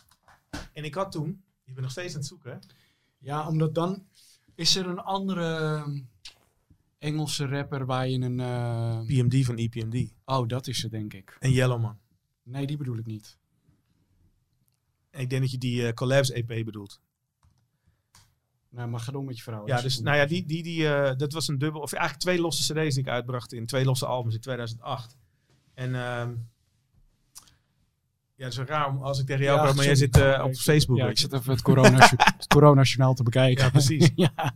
En eh, nou ja, goed, twee, twee albums op één dag gereleased. En eh, toen had ik met Nike een afspraak dat ik, zij wilde ID wat meer pushen. En ik mocht dan twee keer 12, of ik mocht 24 paar doen. En ik had zoiets van, laten we twee keer 12 doen. 12 Air Max 1 schoenen bij, de, bij het Hard album met een T. Ja. Of sorry, bij het Hard album met een D. En dan Ja. 12 Air Max 90 schoenen bij het rode album. En ik, ja, het, het zit een heel verhaal aan vast. Dat, dat is wel grappig. Ehm, ja, ik weet niet hoe ik dat moet laten zien, maar Tuurlijk. er zat een t-shirt bij. Ja. Moet ik dat aan jou laten zien? Die? Oké. Dus bij de zwarte schoen zat een shirt. Van het Hard album met een D. En we zien ook meteen je liefde voor... eh, Star Wars, ja. En, ehm, en bij die rode Air Max zat dan een rood shirt met hart met een D. Maar goed, ze staan alle twee erop, zie ik nu trouwens. Dat is een slecht verhaal. is het eigenlijk. T-shirt en de schoen. ja. En op de doos zat een sticker. Maar nu komt hij. Kijk, dit was dan die Air Max 1. Ik had, het heel, ik had het ook in de kleuren van de albums gedaan. Rood, zwart. En op die Air Max 1 zat hard met een T op de ene schoen, hard met een M op de andere schoen. En die sets, eh, die werden ook gefotografeerd door Patta. En dat ging online als een, als een vuurtje rond. Toen ben ik op het matje geroepen door Nike. Ik weet zijn naam niet meer, maar het was een hoge pief. Hele aardige vent bij Nike. En die had, die had dus, dat is wat mij verteld is. Die had dus telefoontjes gekregen, onder andere schijnbaar van Snoop Dogg en van Kanye. Van, omdat Nike in die tijd moeilijk deals maakte met artiesten. Het was vooral atleten. Dus op een gegeven moment kreeg je natuurlijk... eh, Dat ze zeiden van hoezo hij wel ja, en... eh, ja, wie is die gast uit Amsterdam? Ja. Want het zag er gewoon uit als een, als een release. Door hoe ik gewoon de sticker en de doos... Ja, maar het was een ID-push. Het was een Friends and Family ID-ding. Van ik gaf er dan 12 sets weg, weet je wel. En er is ook één op eBay beland. Dat moest ik dan ook helemaal uitleggen. Maar daar kan ik natuurlijk ook niks aan doen. Als je iets is lekker lullig voor degene die je dan zo'n set geeft die hem op Ja, eBay ja, ja. Ja. Maar goed, kijk. Ik was hier wel heel trots op. Het is gewoon goed gelukt. Het, is, het ziet er ook... Ik wil het echt simpel houden, basic. Alligator. En kon je uit eh, alles kiezen wat je wilde? Nou, ze, had, ze gaven mij exclusief toegang tot bepaalde stoffen en, en, en materialen die je dan... Die toen op ID beschikbaar waren? Ja, of niet. Die er dus dan een paar dagen waren. Oh, of, ja. Oh, weet ik niet meer zeker. Maar ik had bijvoorbeeld die, dat alligatorleer. En dan gewoon leer. En ja, ik vond het fantastisch om te doen. Maar dat vond ik zo amazing, want het was 2008. Sneaker Freak heeft er ook iets over geschreven. Dat magazine, trouwens, tof blad. Maar ik vond het amazing dat Jay daarover dus blijkbaar gebeld had. Want dit was voor de Yeezy. En hij was natuurlijk toen aan het knokken voor zijn eigen release. Kevin Hart had later toen een schoen als comedian. Travis Scott natuurlijk nu. Maar bijvoorbeeld iemand als Eminem heeft natuurlijk wel collabs gedaan. Maar ook nooit echt een general release. Hij is ook een groot Nike-fan. En dat vond ik wel een uniek iets, weet je. Dat je dus puur door gewoon stilistisch dingen bij elkaar te zoeken. De sticker, de doos, de colorway, het album. En dat het gewoon door de pers goed wordt opgepakt. Is dat een soort probleem geworden. En toen, ja, ik, weet- ik weet eigenlijk nog niet meer wat ik dan moest doen. Ik zei, ja, ze zijn uit en weggegeven. Wat moet ik doen? Ja. Die foto's kan ik niet, ik kan niet van, on- van, van, van internet gaan Nee. halen. Of, Maar wilden ze dat? Dat het er vanaf ging? nou, ik weet niet. Het was, ze vonden toch dat het... Ze vonden er iets van. Ik weet, ja, maar ik, ik had Ja, ook zoiets van, ik verkoop ze niet. Ik bepaalde protocollen even aflopen van hé, hé, hé, Ja. verdorie. Dat je, nou, het was meer een compliment van ja, eh, tof en eh, we waarderen je muziek en eh, tof met jou werken. Maar je moet wel weten, het zijn telefoons gekomen. Dat is voor ons lastig, zoiets was het. Ik ben een groot Nike-fan, ik heb jarenlang met ze samengewerkt. En het was meer een compliment voor mij, dat je Ja. dus zoiets stilistisch zien zo brengt. Dat het dus triggert bij gasten van, hé, hey, waarom heeft hij een release? Want als je het leest, zie je gelijk dat het gewoon een toffe limited giveaway was bij een album eigenlijk gewoon. Ja. Eh, jouw liefhebberij voor eh Maar schoenen. jij wilde dat ik iets meenam. Dus. en, ja, zeker. Hè? Oh, en ik zie nog trouwens nog iets van eh, Adidas. oh ja, Maar ja. zit, de, zit de andere kleur er ook in? Of heb je Nee, ik, heb alleen, paar? ik had alleen even de Air Max 1 eh, meegenomen. in Oh, wacht. Ja, en wa- wat ik hier nog van wil weten is... eh, eh, je mocht van iedere versie 12 paren weggeven. Ja, de Air Max 90 en de Air Max 1. Maar dat lijkt me moeilijk. Nou ja, het, het was, ik weet je, om, eerlijk te zijn ben ik dat eigenlijk vergeten. Het was weggeven of, ik weet niet, zijn er vast een paar wel, wel verkocht het, eh, onderhands hoor. Hm. Ik weet niet, want ik heb één set thuis, dus ik weet niet waar die andere elf zijn. TLM heeft er één in zijn studio staan. Maar het was wel een ding en het, het was wel een heel ding. Ik weet, en ik vond dat ook, ik was eigenlijk geïrriteerd in die zin, omdat ik dacht van ja, het is toch alleen maar tof. En eh, ik, ik, ik had zoiets van laten we met Amerika zitten en laten we kijken, weet je, Weet je, men moet zich realiseren dat hier serieuze sneakerliefhebbers zijn. We maken geen grappen en serieuze hip-hop artiesten gewoon. Dat was altijd nog een ding van dat het toch een beetje, niet door Nike, maar gewoon bekeken werd van, oh ja, het leeft daar ook in hun eigen taal of zo. Ja. Maar dat is iets om rekening mee te houden. En dat, het was voor mij een compliment dat Snoop en Jay daar dus iets van zeiden. Ik weet ook helemaal niet of het positief of negatief was. Waarschijnlijk was het gewoon inquiring van hoe kan dat? Maar, maar van die eh, twee keer 12 paar die je had, hè, dat geef je dan aan vrienden, denk ik. Zijn er ook nog vriendschappen stuk gegaan doordat mensen zeiden, hey, waar is mijn En paar? wij zijn heel veel eh, sms'jes toen nog heen en weer gegaan over hoe en waarom, ja. Dat is heel vervelend aan, aan 12 dubbele sets. Want je, iemand, 12 mensen krijgen twee paar sneakers. Of, Oh echt, je krijgt ze allebei, zo. Ja. Ik weet nog dat Tim van Patta, die vond die rode Air Max 90 gruwelijk. En eh, volgens mij zijn er wel, ik weet het niet meer precies man. En ik weet ook niet, kijk die gast zei dat tegen mij, weet je. Ik bedoel, misschien is het helemaal niet waar en wilden ze me bang maken. Ik weet niet, ik vond het altijd gewoon wel een interessant verhaal. En er is ook iets over geschreven.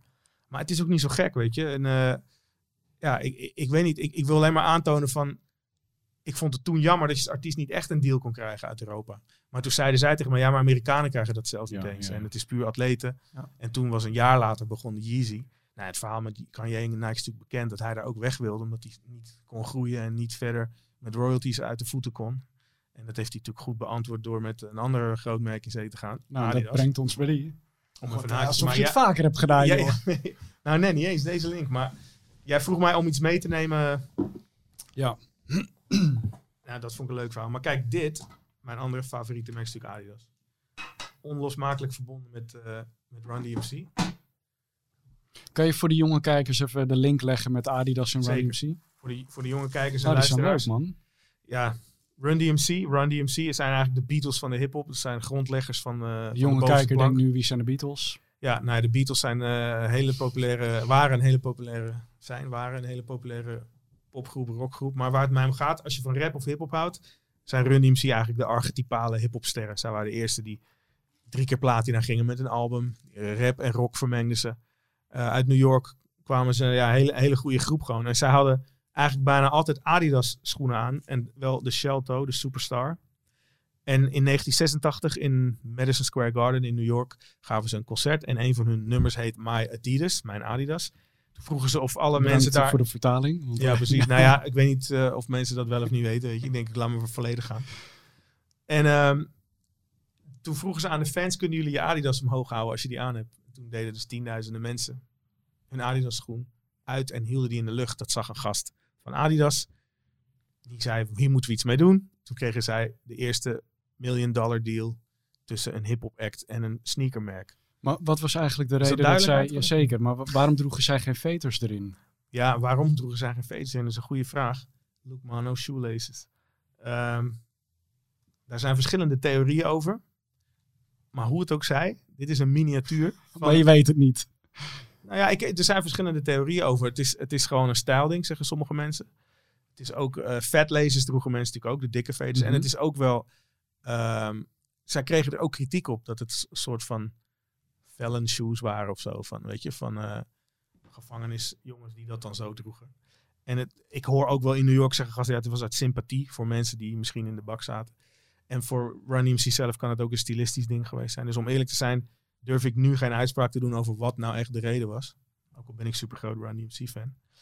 Ehm, maar dit zijn miniatuurtjes daarvan. Van die- Leuk man. Hoe ben je eraan gekomen? Die zag ik in een winkel, in de Adidas winkel in Antwerpen. Die lagen daar gewoon. En ik zei, kan ik die kopen? Zei hij, ja, is cool.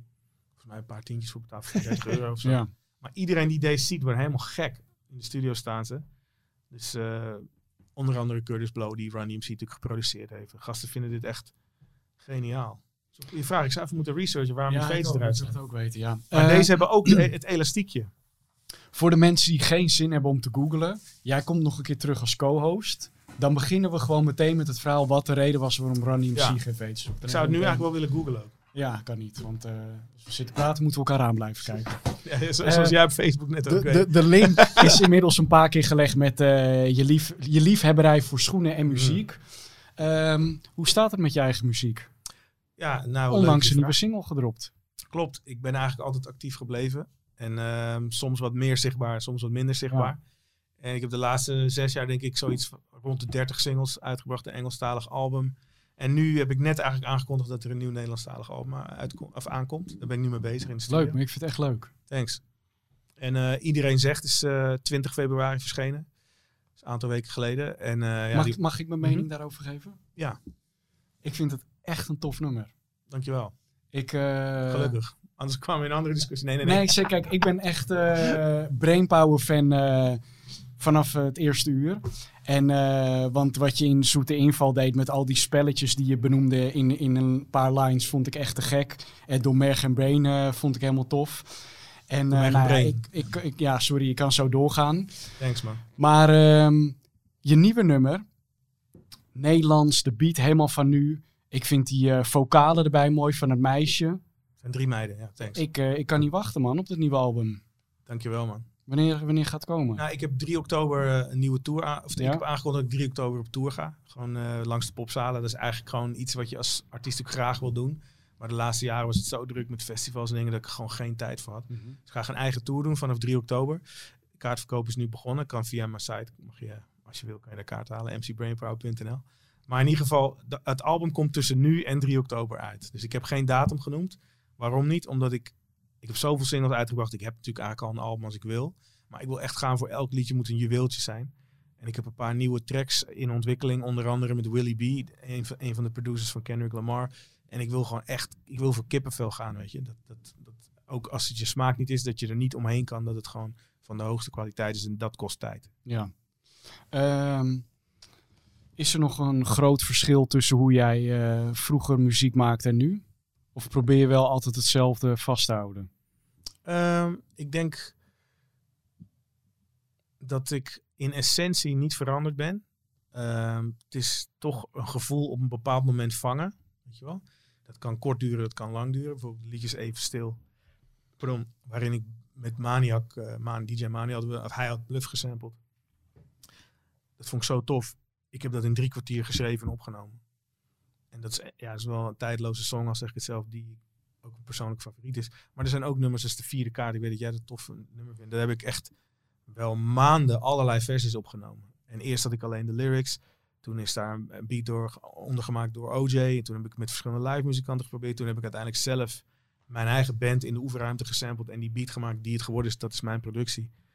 Dus dat heeft maanden geduurd. Vierde kaart heeft ma- is maanden in ontwikkeling geweest. Waarschijnlijk jaren. Dus een nummer morft ook, weet je. Verandert over de tijd heen. Dat heb je ook. En dat heb ik nu nog steeds. Dus de, de methodiek is alleen maar anders in de zin dat je meer ervaring hebt. Wat, wat tof is, Mhm. maar soms ook niet. Ik probeer mijn ervaring los te laten in de zin van... Je, ik wil geen retro dingen maken. Ik wil nieuwe dingen maken met de ervaring die ik heb. En dat, dat is iets wat niet makkelijk is, omdat dat vind ik ook heel tof bij heel veel jonge rappers en artiesten. Ik denk dat het heel erg op gevoel gaat, maar ook op energie. Van dit is nu. Ik denk dat hun manier van freestyle is meer van dit liedje heeft nu zo'n energie, dat maak ik nu af en dan is het goed. En dan breng ik het uit. Ik denk dat, dat, dat als je langer meedraait, wil je soms te veel tweaken. Zoals mijn Engelstalige album heb ik zo lang over gedaan. Het was voor mij, sommige mixen waren perfect. En ik vind het ook heel tof als, weet ik veel, een grootheid als Quincy Jones me volgt op Twitter. Daar doe ik het ook voor. Ik zeg niet dat hij nou elke dag eh, dat album gedraaid heeft en me Mhm. daarom volgt. Maar weet je, de- dat je gewoon, je doet het voor iets. En ook dat ik gevraagd word in Amerika voor films. Dat je bepaalde audio-kwaliteit nastreeft. Maar ik ben er nu ook wel weer van af om zo lang over muziek te doen.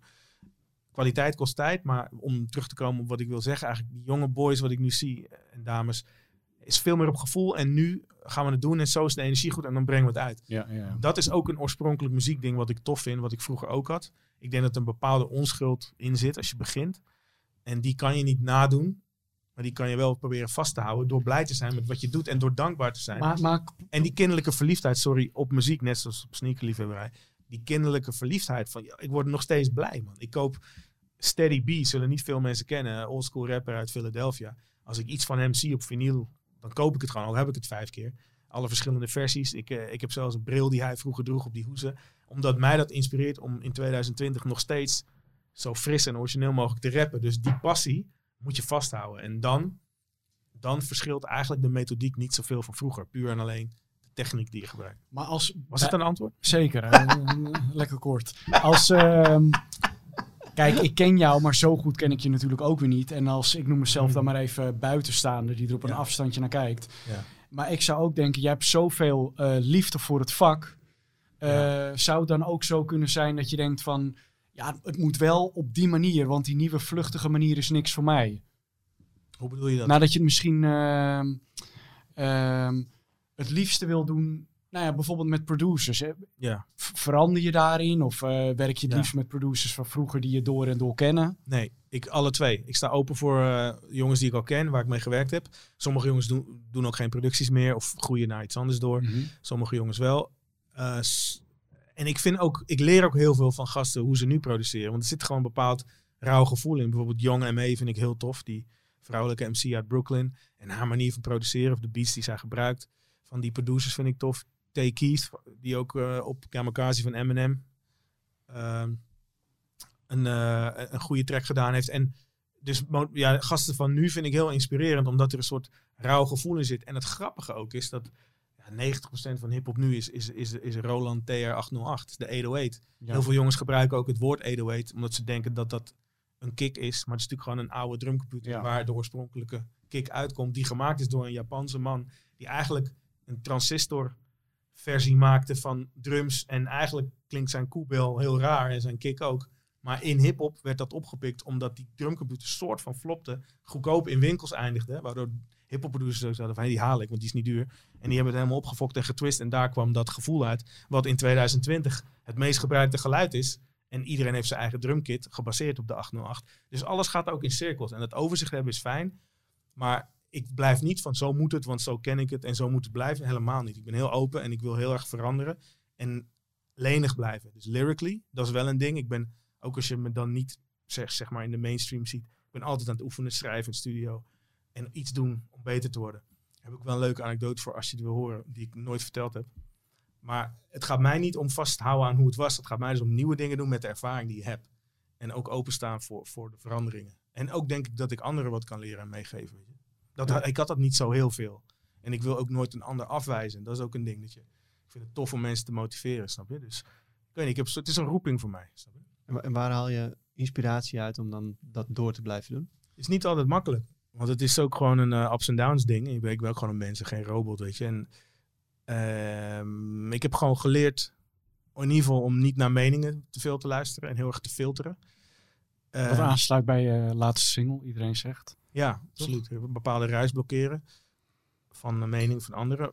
Maar wat vroeg je ook weer? Want je vraag was wel Waar tof. je, in- ben ik waar je inspiratie vandaan haalt? Of, Ja, het is, wat het, is toch, het is toch een...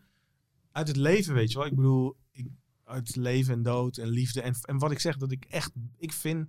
Kijk, daar, daar heb ik wel moeite mee gehad. Van, moet je niet op een gegeven moment stoppen met rappen? Want Dat denken, dat denk, ik wilde dat nooit, maar mensen denken dat, hè. Je krijgt ook van doe die muts of doe die pets keer af. En je bent nu, eh, weet ik veel, 35. En eh, doe eens even gewoon. Of doe die oranje zwarte jas uit. En draag een, een jacketje, weet ik veel. Ja, precies. Het is wel warm hier. Zes uit. Ik ben met de tijd bij. Nee, maar je snapt wat ik bedoel, toch? En, en da- ik, heb, ik hou gewoon van wat ik doe. En ik wil dat ook niet uitleggen. En je moet er alleen voor jezelf mee leren omgaan. En daar haal ik ook inspiratie uit. Want waarom doe ik dat dan? Daar zit toch iets in dat ik zo gek ben op de combinatie van ritmiek en taal. En ik kijk naar mezelf. Ik, ik kraak geen anderen af. Ik kijk hoe kan ik beter worden. Weet je, wat moet ik doen om, om fit te blijven, lenig Ja. en te kunnen wat ik kan. En daar haal ik ook maar inspiratie. let op wat ik ga vragen. Hè. Dit, dus dit gaat niet over afkraken. Maar als je naar de oude brain kijkt en die van nu. Wat vind je qua muziek maken dat je toen minder goed deed dan dat je nu doet? Goede zelfkritische vraag. Want bijvoorbeeld wat je net zei. eh, ja, je hebt het over het proces van een nieuw album maken. Dus ik Ja, praat- want, want toen, over, je het over je. Engelstalige werk had, over het tweaken, dacht ik bijna van wow, deze perfectionist zit misschien so- zichzelf soms in de weg. Ja, dat heb ik denk ik wel gedaan eh, qua tweaken aan mixen. Want als je bijvoorbeeld Troubled Soul van eh, mijn Engelstalige album heb ik 92 keer gemixt. Met Jean-Marc Kessely volgens mij en, en T-Shirt Oza's hebben aan die song gewerkt. En de achtergrondvokalen waren van Keith John, die zingt bij Stevie Wonder. Het was een hele onderneming om dat af te maken. En, dan en Cheert is ook fantastisch, die gaat gewoon door. Ja, ik heb dit nog toegevoegd, Lu- luister nog even. En is, is, als je dat 92 keer doet, is dan de laatste altijd degene die het wordt? Of ga je vaak bekijken- nog terug? Er zijn, er zijn twee, in mijn hoofd staat dat er van die, misschien vergis ik me in de song, volgens mij niet, 92 versies zijn. En uiteindelijk is het niet de 92ste die uitkomt, dat vraag jij. Ja. Dan ga je toch weer een paar mixen terug. En ik moet eerlijk zijn dat, ik vind die mix wel heel goed, maar ehm, Kijk, dit lijkt mij, ik weet niet, ik denk dat ik weet wat je gaat zeggen, maar dit lijkt mij zo moeilijk aan muziek maken. Ik denk dat als op een gegeven moment moet dat album lintje eromheen in de winkel, ja, als het ware. meer- ja, natuurlijk. En dat, maar dat ik dan zou denken, ah, dat ene nummer. Ja, dat ik blij- toch nou ja, de vierde kaart eh, had ik nu anders gemixt. Maar de vraag is, is dat tof? Want ik heb ook wel eens met vrienden erover, denk ik van, zou Prince gewoon nog eh, soms een keer wakker liggen dat hij denkt, Sign of the Ja, Times had ja, ik ja. opnieuw moeten mixen, Ja. terwijl wij dat allemaal al Maar 30 en jaar wat had jij geniaal dan anders aan de vierde kaart gewild? Nou ja, ik luister dat niet zo vaak, omdat ik gewoon, eh, ik weet niet, er is iets in de mix wat gewoon beter had gekund. Ik overal vind ik, ik- ja, Zou, zou je iets, iets Maar is dat een toevoegen of eruit instrument, halen? een geluid? eh? Ja, het, het is, het is ook het geluid van de studio en van de tijd. Weet je, er zit een bepaalde his in de sample, een bepaalde ruis, want die heb ik in de oefenruimte opgenomen. Met Lucien Campbell en eh, Alvin Lewis. En hun heb ik gesampled en geknipt. En, ehm, maar ik, kijk, het is, het is voor mij gewoon, ik, ik, vind me, ik vind mezelf, dat live deed die toffer dan in de studio. Maar ik heb daar nooit iemand iets over horen zeggen. En mensen zijn helemaal weg van die song. Dus daar, wie ben ik om dat te doen? Dus dat heb ik ook geleerd. Dat moet je gewoon loslaten. En het zijn allemaal toch je kinderen. En dat zeg je ook niet over, je, over mijn neefjes en mijn nichtjes. Zeg ik ook niet van ja, die had een andere haarkleur moeten hebben. Of ik noem wat stoms. Het is gewoon niet not happening. Je houdt van die kids. Het is je eigen vlees en bloed, weet je. En dat is met die songs ook. Maar ik heb wel ehm, het gevoel dat Ja, maar je... kijk, een kind komt er ook uit. Eh, is, het werkt natuurlijk heel anders. Nee, die liedje kan je niet echt tweaken inderdaad. Nee, je kan een petje opzetten. Precies. Nee, ik, wacht even. Jij vroeg iets goed en jij ook. Maar ehm, voor mij... Maar dit, kijk, ik, wil, oh ja, ik wil een voorbeeld geven. Star Wars. Die, die reissue films van de originele films Ja. die George Lucas Ja, ja. heeft aangepast in, aan de jaren negentig. Ja, is dat een goed idee geweest? Ik vond het als Star Wars fan niet. Ik vond de in- incorrecte dingen uit de Ja, oude ja, films precies. tof. Nee, maar kijk, nou, ah, ik wil dat er niet bij halen. Ik wil wat jij vindt van je eigen Hmm. product. Dus wat jij van de vierde kaart, wat, wat had er anders gemoeten? Als je er nu op terugkijkt. Ja, Dus we, er staat een DeLorean buiten, daar ga je in. Je ik zou, ik zou hem nog een keer opnieuw willen inrappen dan, denk ik. Echt, joh? Ja, ja dat, is, dat, dat is bizar. Maar kijk, en ook, ik zou nog een anekdote vertellen over de vierde kaart. Ik heb de clap. Even kijken, de is van Radio, van eh, Ray Parker Jr. En eh, ja, zijn verschillende dingen op elkaar. Maar één de van de- Ghostbuster... eh, ja, maar zijn oude, zijn oude band heet de Radio. En, en heb ik helemaal gechopt en geknipt en gefilterd en wat. En de kick heb ik, is een gefilterde, gechopt, gechopt ding van een oude white label van een productie van JD. En ik, Jay Dilla van Slum Village. En ik had hem meermaals ontmoet in Amsterdam. Ik heb een keer met ze meegedaan in Haarlem, in de lichtfabriek. Was voordat ze eigenlijk doorbraken. Super tof. Met Batin, die overleden is ook. Net als JD helaas. En ik zei tegen Jay Dilla van, ja, ik moet je toch zeggen, ik heb die sample gechopt en ge- eh, of die eh, kick ge- gesampled en gechopt. En ik, eigenlijk, ja, ik wil gewoon dat je dat weet. Weet je, mag dat, weet je? Want Ja, ik was dus toen ook wel, ik was eh, een jonge lef, gast. man. En hij, hij, zei van, en hij luisterde en hij vroeg allemaal dingen. Hij zei, I see you understand, man. Let me hear the beat. En toen draaide ik vierde kaart voor hem, zonder de raps nog. En hoe stond je daarbij? zenuwachtig. Dus dat was nog voor het een jaar of zo voordat het uitkwam, of twee jaar. Begin twintig was ik toen. En die gast zei van, ja, dope. Hij zei, je got my blessing, man. Hij vond het alleen maar tof. Want hij zei, ik pak mijn geluid ook overal vandaan. Dat kan je je nu niet meer voorstellen. Dat was ook een white label track, weet je wel. En, eh, maar dat je zo puur in de art zit en dan bijvoorbeeld zo'n bevestiging krijgt van zo'n god. Dat was voor mij ook gewoon wel heel tof. Maar dan nog zou je nu denken van ik zou hem opnieuw inrappen. Maar dat, is, dat, is, heb ik, dat heb ik met sommige dingen, heb je dat gewoon. Maar dat moet je loslaten, want het heeft geen zin. Die track is wat? Die heb ik twintig jaar op, geleden opgenomen. En, en, en het is een hit geworden en een mensen, voor mensen is het een evergreen. Maar dat is wel de artist's way of thinking. Daarom heb je ook... Ja, sommige remixen vind ik gewoon niet zo'n goed plan. Zelfs Michael Jackson, Thriller 25, super vet album. Moet je dan bepaalde classics gaan remixen? Of de, de, ik weet niet, ik vind het altijd... Dus dat, heb ik, dat is voor mij sterker dan het opnieuw doen. Maar om terug te komen op jullie vragen tegelijkertijd. Wat doe ik nu anders dan toen? Overal gezien is het wel, eh, heb ik wel sneller beslissingen. Ik weet, je beheersing van je vak is veel, veel verder. En dat vind ik altijd jammer in mijn branche. Dat op een manier hangt er een soort super jong prijskaartje aan. En is ouder worden binnen dit genre niet cool. Wat wel aan het weggaan is nu. Ja. Eminem is, eh, weet je, die staat weer op één met zijn nieuwe album. Ja. dat, dat is nu een beetje aan het verdwijnen. Maar ik, ik wil ook een beetje de spokesperson zijn voor... Hey, jong, die jonge shit is dope. Ik, ik heb geen hatred of probleem daarmee. Of, of, of vervelende emotie bij. Maar ik vind wel soms de balans is weg. En de ouder worden binnen een genre is alleen maar tof. Pat Benatar is, weet ik veel, hoe, eh, 60... Misschien is zijn... Hall Oates, die gasten zijn boven de 70. Vorig jaar speelden ze North Sea Jazz plat. Ze hebben van het weekend twee keer Madison Square Garden uitverkocht. Waarom kan dat niet binnen rap ook? Ik denk maar dat dat jij dan de nog te denken voor je nieuwe album van... hey, misschien is het dan wel leuk als ik een paar eh collabos doe met, met jonge gasten. Tuurlijk is het meiden. tof, maar tuurlijk, ik sta daar heel erg open voor. En ook of jonge of mid-jonge gasten of whatever, weet je. Ik vind heel veel gasten tof. Maar zit er zoiets in de pijplijn? Er zijn wel, er zijn wel gesprekken, maar het, is, het moet ook een beetje organisch ontstaan. Want ik wil, het is ook niet, kijk, heel veel gasten, ik weet dat ook hoe dat is.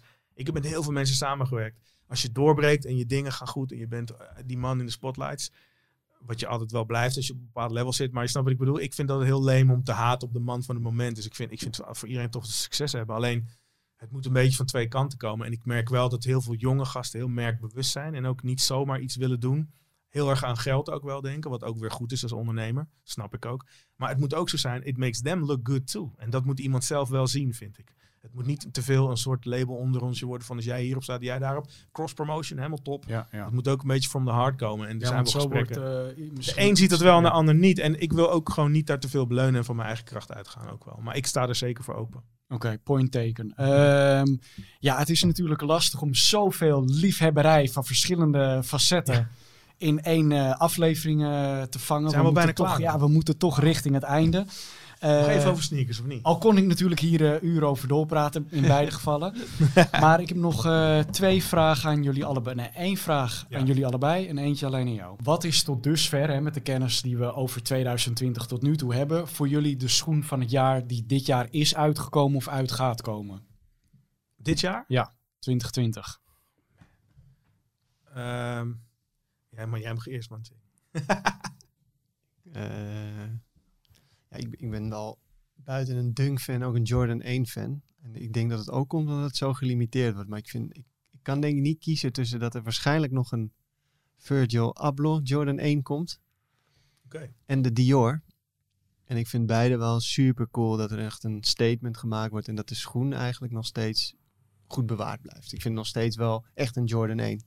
En, en wat vind jij het statement dan, wat er gemaakt wordt? Nou, ik vind, het, ik vind het tof dat het niet alleen maar heel schreeuwerig is geworden, maar dat ze beide, kijk, de een highlight de toffe dingen uit een Jordan, dus de lipjes vooraan. Het, het wordt iets uit verband getrokken, eh, waardoor de, de schoen gewoon de kenmerken goed naar voren komen. En die andere is natuurlijk heel hoog in kwaliteit van leer en design gestopt. En dat vind ik wel tof. Wij, wij houden de score eh, bij en dan krijgen we uiteindelijk aan het eind van dit seizoen een top 5. Eh, wat de meest eh, gewilde schoenen volgens onze gasten voor 2020 zijn. Je moet er toch één van de twee kiezen. Dus voor welke wil je gaan? Streng, hè? Ja, ik weet niet of die, of die uitkomt. Dan, dan ga ik voor de Off-White Jordan 1. Vind, vind ik een gedurfde keus van je. Maar ik eh, noteer hem. Gert-Jan. Ja, Valerio. Gert-Jan Mulder. Valerio, weet je of Zeno. Ja, sorry, dat moet ik weten. Ja, dat geeft niet. Mr. Zeno. Ja. Je nog spreken over iets anders trouwens Oh. straks. Oké, ik vind het spannend. Ja, wordt leuk. Ja, Oké. Ehm, wel- welke schoen dit jaar uitkomt, hè? Ja. Of dit jaar al uit is al gekomen. uit is gekomen. Nou, ik ben dus te spreken over die rode Jordan 3, die Ja. niet zo populair is. Ja. Maar, en dit vind ik leuk, want dan kan ik een van mijn favoriete schoenen aanhalen die ik nog wilde noemen in deze podcast. Er zijn veel anekdotes die ik wilde vertellen die niet... eh die er niet Nee, maar je komt nog een keer terug, dat weten we. Oh, dat was mooi. Ja. Er is niks uitgevallen. Nee. De AirTag Challenge serie. Ja, geniaal. Ik, ik hou van En maakt het je nog uit eh, de, de AirTag Challenge 2 of 3? Is er eigenlijk een 1? Een goede vraag. De 2 en de 3 zijn natuurlijk fantastisch. En de AirTag Challenge 4, de Dark Grape. Man, dat is denk ik een van mijn favoriete schoenen ever. Maar wat ik wilde zeggen is die, die Black Lava die laatst zijn uitgekomen. Dat waren er twee, als ik me niet vergis. Die heb ik gemist. Die vond ik een toffe schoen. En ik hoop dat ze dit jaar meer gaan uitbrengen. En toch wil ik dan afsluiten met, als we het over dit jaar hebben en releases. eh Run DMC. Komt een nieuwe Adidas uit volgens mij van hun. En de Air Max 90. 30-jarig bestaan. Ik heb die Hyper Grapes, die paarse. Ik heb die Voltschaal, die roze. Ik vind het een fantastische schoen. Ze zitten heerlijk.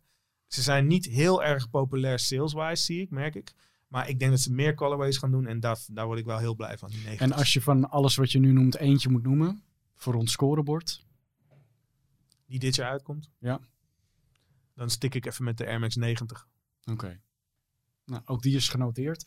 Ik moet weer even mijn laptop openklappen. Ja, dat is niet eh, voor Ik zat net ook even te iMessagen, dus dat mag. Eh, want ehm, de mensen die kijken of luisteren, die kunnen uiteindelijk een eh, speciale sneakerjagers made by Feist Bespokes Oh ja. custom shoe winnen. Spannend. En die schoen die gaan we maken. Kijk, wij weten eigenlijk ook nog helemaal niet hoe die eruit komt te zien. Want iedere keer mogen onze gasten één onderdeel van die schoen uitkiezen. En vertellen hoe die eruit moet komen te zien. Nou hebben we eh, vorige keer Melly Mel gehad. Die wilde een fluoriserend roze leren Oh, swoosh. Mel, what's up, man? Ik denk dat we dat nog vaker te horen gaan krijgen. En eh, Bart eh, van eh, Barretta en eh, Uptown uit Den Haag, die wilden een eh, wit leren heelpad. Maar dat betekent, er is nog heel erg veel over waar je uit kan kiezen. Is het een moeilijke keuze voor je? Want je moet toch, omdat... Ik twijfel tussen twee dingen. Als ik, Ja? Ik, wil jij eerst Jamie of niet? Ja, maar straks pak ik, ik pak hem, hè? Vroeg je aan mij Ja, eerst maar ik zou je nog vertellen, want dit is heel gemeen voor jou. Je bent co-host. Dus ik moet eerst. Nee, dus hij mag helemaal niet kiezen. Dan moet ik nog een keer terugkomen. Ja, maar dan niet als co-host. Nee. Dan kom ik als Nou, oké, co-host. dan om- omdat we geen tweede gast hebben, Mag het mag het. niet? Ja. Ja? Ik kijk even naar de scheidsrechter. Dat Ja, mag. precies. Ja, we hebben goedkeuring. Nou, ik, kijk, weet je, eh, ik mag dus een keuze maken. Hè? Ja. Het is natuurlijk een unieke eh, flamingo-achtige move van eh, de broeder Melly. Ik snap het wel, maar daardoor moet je enigszins je kleurenpalet gaan aanpassen. Ja. Dat is natuurlijk ook de grap, denk ik, van hem. Ik denk dat ik als sneakerliefhebber en als Air Max 1 fan dan kies tussen een gumsole of een mesh toebox. En dan ga ik voor een witte mesh toebox om het iedereen makkelijk te maken en is comfortabel. Oké. We gaan eh, aan de slag. Jamie. Ik moet er sowieso saliegroen in doen natuurlijk.